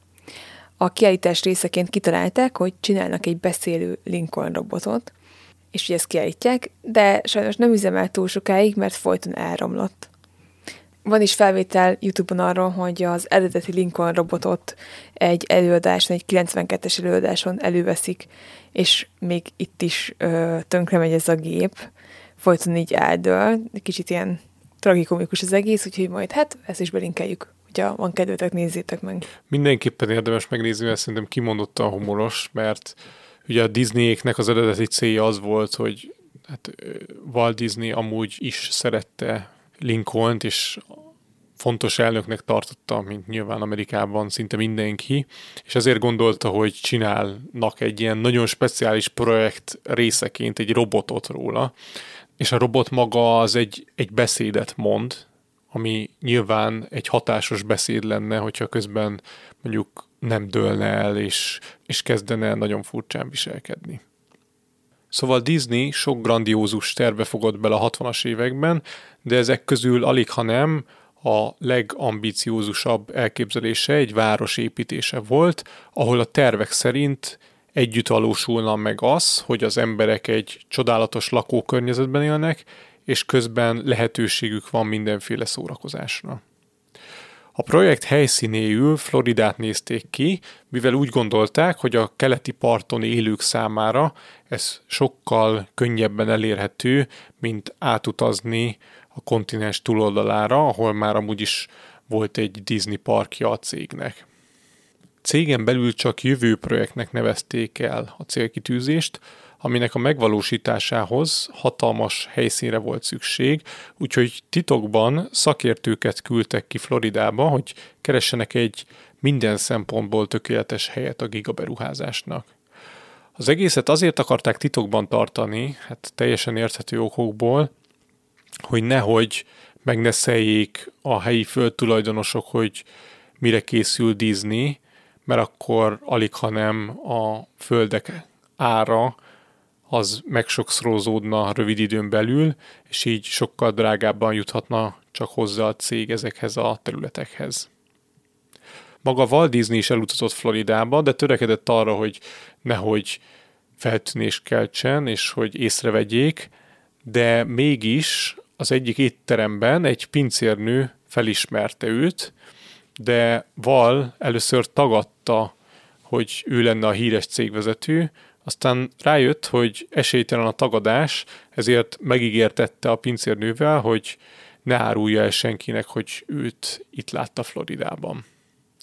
Végül 1965. novemberében jelentették be a nagy közönségnek, hogy mire készül a Disney stúdió. Ezekben a hónapokban Walt Disney városépítő és urbanizációs szakkönyveket olvasott, hogy a megfelelő város tudják majd megtervezni. A közepén Disney world a Vidám Parka. A tervek szerint a városban 20 ezeren éltek volna, és elég beszédes neve volt magának a projektnek is, Experimental Prototype Community of Tomorrow, azaz röviden Epcot, szóval ha szeretnétek rákeresni, hogy hogyan is nézett volna ez ki, akkor ezt érdemes beütni a böngészőbe. Olyan elképzelések voltak, hogy a városnak saját energiatermelője lesz, modern, autómentes tömegközlekedése, és például egy olyan speciális futurisztikus rendszere, ami például a szemetet egy föld alatti csőrendszerben automata módon elszállítja a helyszínről. Sajnos a grandiózus projektből Walt Disney 1966-os halála miatt csak a Disney World Vidám Park valósult meg, és egy tematikus látogatói központ, ami egyébként az Epcot névre hallgat, szóval ö, érdemes figyelni, hogy az Epcot konceptre ö, keressetek rá, hogyha azt szeretnétek látni, hogy amúgy hogy nézett volna ki ez a 20 ezer fős város, amit Walt Disney elképzelt. Szóval sajnos az eredeti elképzelése nem valósult meg, mert másképp alakultak a dolgok. Walt Disney életében a két utolsó nagyobb szabású filmje a 101 kiskutya és a Mary Poppins volt. Ugye a 101 kiskutya egy rajzfilm, a Mary Poppins pedig egy élőszereplős film, amiben van hát minimális animált rész is. A 101 kiskutya esetében több módosítást is kellett tenni az eredeti könyvverzióhoz képest. Például törölték a forgatókönyvből Szörnyella férjét és macskáját, tehát itt az alaptörténet egy könyv volt, amit, aminek a megfilmesítési jogait vásárolták meg, és ezt kellett egy kicsit átszerkeszteni. Tehát törölték Szörnyella férjét és a macskáját a filmből, valamint Jasper társát eredetileg Saulnak hívták, de ez nem tetszett annyira Disney stúdió munkatársainak, ezért átnevezték a férfit Horászra. Az eredeti 101 kiskutya könyv egyébként úgy fejeződik be, hogy ugye Roger, aki mindig zongorázik, neki nagyon híres lett a Szörnyella című száma, amiből annyira meggazdagodott, hogy meg tudták belőle venni Szörnyellának a hatalmas romos kastélyát, és felújították azt, de hát ez a film verzióból teljesen kimaradt, de ha jól emlékszem, ha bár nagyon régen láttam, de a 2000-es évek körül készült élőszereplős film verziójában az eredeti könyvhöz hűek maradtak ebből a szempontból, és tényleg egy ilyen hatalmas kastélyban éltek vidáman a film főhősei. A Mary Poppins elkészítésének körülményeiről pár éve a Disney kiadott egy filmet, aminek az volt a cím, hogy Banks úr megmentése. Tehát akit érdekel, hogy hogyan készült a film, annak valószínűleg érdemes megnéznie ezt az alkotást. Arról szól, hogy hogyan hívták meg a Mary Poppins eredeti írónőjét a stúdióba, hogyan győzték meg arról, hogy jó lenne megfilmesíteni Mary Poppins-t, és aztán bemutatják azt, hogy az eredeti írónő és a Disney munkatársai hogyan dolgoznak együtt a forgatókönyvön, ami egy igazán különleges munka volt, mivel az írónő egy nagyon nehéz természet volt, és gyakorlatilag szinte semmi módosítást nem akart engedni az eredeti Mary Poppins könyvekből, valamint alapból azt is ellenezte, hogy ez a film ez egy musical legyen.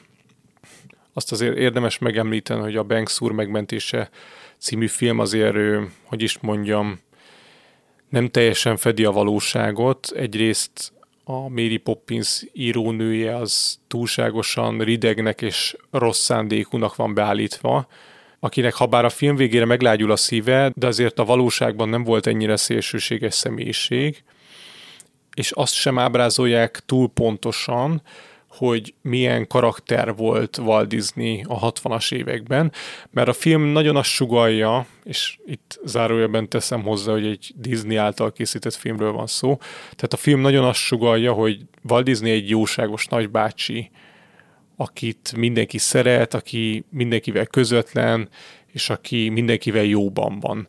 Tehát ő az eddig elhangzottak alapján is érezhetitek és láthatjátok, vagy hallhatjátok, hogy azért ez közel sem fedi a valóságot.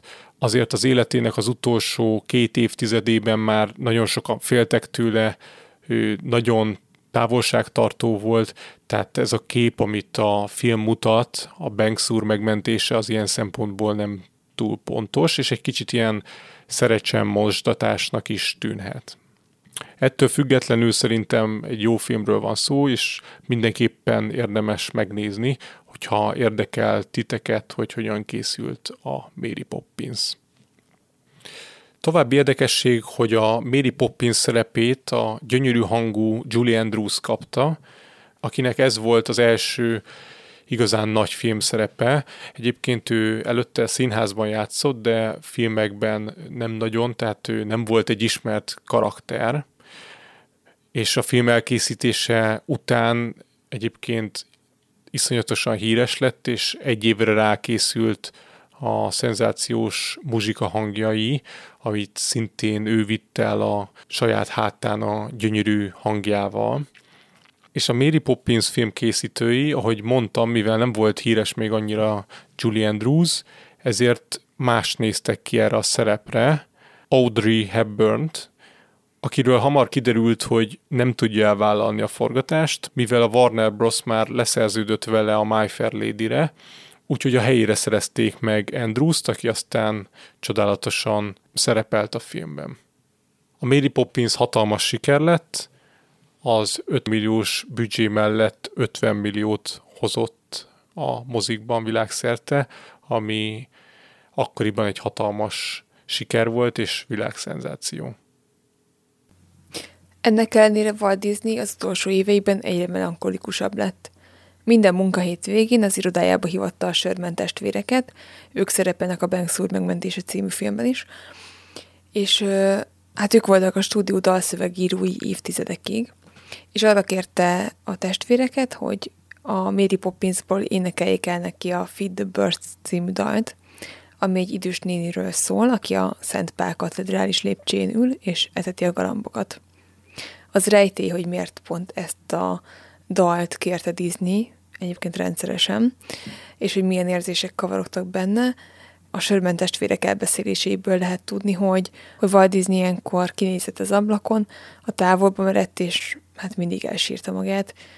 Az életrajzírója azt írja, hogy lehet, hogy az édesanyjára gondolt ilyenkor, vagy pedig a galambokat etető idős néni magányosságára, esetleg az idő múlására, de minden esetre, hát ez elég szomorú kép Walt Disneyről aki sajnos nem is élt túl sokáig, fiatalon, 65 éves korában halt meg, és a halála után több legenda is szányra kapott, amiket mindjárt ki is beszélünk, de előbb nézzük meg, hogy mi történt Disneyvel. 1966. novemberében orvoshoz fordult, mert egy korábbi lovaspulóból esett miatt erős nyak és lábfájdalmai voltak, és miközben vizsgálták, a vizsgálatok közben kiderült, hogy hát ezeknél a sérüléseknél van egy sokkal nagyobb gond, mert Disney tüdejét, véletlenül a sok dohányzás miatt, ugye arról már meséltünk, hogy erősen köhögönt, tehát valószínűleg a sok dohányzás miatt ö, Disney tüdejét megtámadta a rák. Azonnal meg is műtötték őt az orvosok, eltávolították a tüdej egy részét, de mint kiderült, a betegség már átterjedt más szervekre is. Disneynél megkezdték a kemoterápiát, de sajnos ezután nem élt túl sokáig, és 65 éves korában, 1966. december 15-én elhunyt. Ami egyébként a közeli ismerőseit is meglepte. Tehát az olyan gyors lefutású volt ez a, ez a betegség, vagy ez a végső stádium, hogy egyszerűen meglepte az embereket. Hát nyilván a nagy nyilvánosságot egyértelműen, de a közvetlen családtagjai között is egyszerűen nem tudták elhinni, hogy ez történt, mert novemberben került kórházba, és december 15-én már el is hunyt. A halála kapcsán több legenda is szájra kelt. Az egyik legismertebb, amit talán már mindannyian hallottatok, hogy Disney testét nem temették el, hanem a halála után lefagyasztották, bízva abban, hogy a jövőben majd lesz egy olyan technológia, amivel életet tudják kelteni a mesegyárost.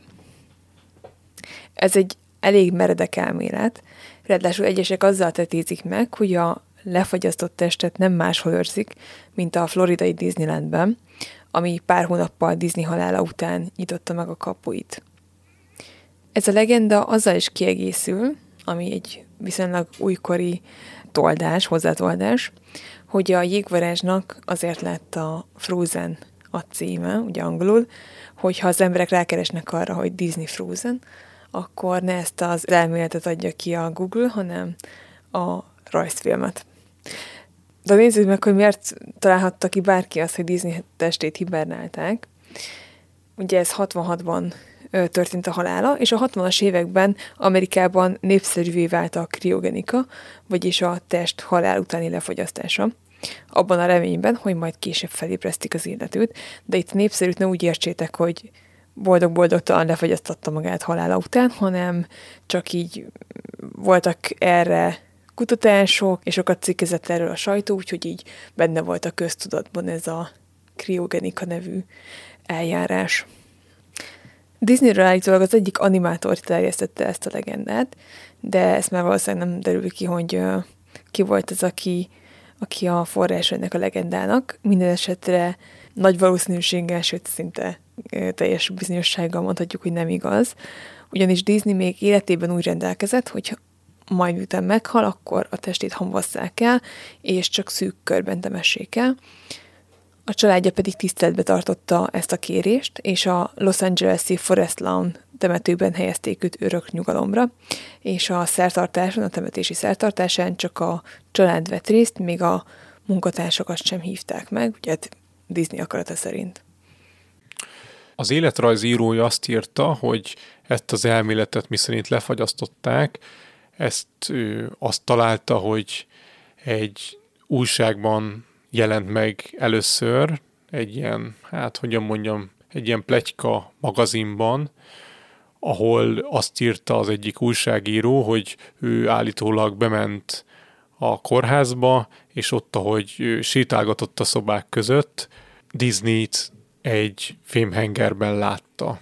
Most nyilván ennek a hitelesség ennek az írásnak erősen megkérdőjelezhető. Mindenesetre az életrajzírója szerint itt ez, ez lehetett az első pont a pletyka elterjedésében.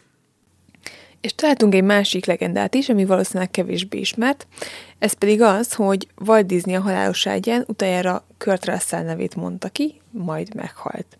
De ennek van egy más verzió is, miszerint nem kimondta, hanem leírta a színész nevét, és egy újabb változatban pedig már nem a halálos ágyán tette ezt, hanem még életében, viszont ez volt az utolsó dolog, amit leírt egy lapra. És ugye ebből mi lehet az igazság? Disney valóban jóba volt russell és valószínűleg tehetségesnek gondolta a színészt, és az igaz, hogy valóban felírta a színészt nevét egy lapra, ha bár helytelenül Kirtnek írta a körtöt, de ez nem egy papírfeszni volt, ahogy a legendákban szerepel, hanem egy gépelt lap, amin a gyártásra szánt tévéműsorok voltak felsorolva, és erre a lapra írta fel Disney, Kurt Russell és Roger Mobley nevét, és hát ez a film, az egyik ö, film, ami alapon szerepelt, 1968-ban, ugye Disney halála után el is készült, azonban egyik színész sem játszott benne a, azok közül, akiket Disney felírt a papírra. Viszont ez a lap fent maradt, megőrizték, és amikor Disney irodáját mm, hát helyreállították és megnyitották a látogatók előtt, akkor ezt a lapot is kiállították, letették az íróasztalra, úgyhogy ez egy ideig megtekinthető volt. Fú, hát egy rendkívül érdekes karakter volt Walt Disney, és reméljük, hogy sikerült veletek minél több érdekességet megosztani az életéből, ami rendkívül küzdelmes volt, ugyanakkor sok siker is köthető a nevéhez. Abban valamennyien alig, ha nem egyetérthetünk, hogy szinte mindenki életében voltak meghatározó Disney filmek, amik nagy hatással voltak rá gyerekkorában. Ezzel egyetértek, és én nagyon örülök, hogy sikerült, hát nem tudom, közelebb érzem magamhoz most már Walt Disney-t, és örülök, hogy többet megtudtam róla, és bízom benne, hogy, hogy ti is így éreztek, kedves hallgatók, és, és jobban megismertétek az adásokból Walt Disney-t és a Disney stúdió történetét. Úgyhogy köszönjük szépen, hogy velünk tartottatok, találkozunk hamarosan egy következő epizódban, addig is legyetek jók, és vigyázzatok magatokra. Sziasztok! Sziasztok! Ha szeretnétek tőlünk extra bónuszadásokat hallgatni, akkor csatlakozzatok a Patreon közösségünkhöz a patreon.com per hihetetlen történelem oldalon, ezt a linket betesszük a leírásba is. Kövessetek minket Facebookon és Instagramon, ahol az adások mellett sok egyéb történelmi érdekességet is megosztunk veletek. Örömmel fogadunk e-maileket is a hihetetlen gmail.com e-mail címre, ha kérdésetek, észrevételetek lenne az adással kapcsolatban. A podcastet megtaláljátok az Apple Podcast-en, Spotify-on és még sok más helyen is. Hallgassatok minket máskor is. Sziasztok! Sziasztok! Ha más podcastekre is kíváncsi vagy, hallgassd meg a Béton műsor ajánlóját. El tudod képzelni, hogy a podcastet, amit éppen most hallgattál, fél év múlva már a mesterséges intelligencia generálja? Mi sem. De ha érdekel, eljött már a gépek lázadása. Hallgass bele az Embertelen podcastbe. Orsós Lajos vagyok, a műsor házigazdája. Egyelőre még élőben. Egyelőre. Fedezzük fel együtt, hogyan ismerkedik, randizik, mesél és vitatkozik Betty és Péter, két teljesen mesterséges intelligencia. Lajos, a podcast címét mond még egyszer, Léci. Oké. Okay. Embertelen podcast. Ez a műsor a Béton közösség tagja.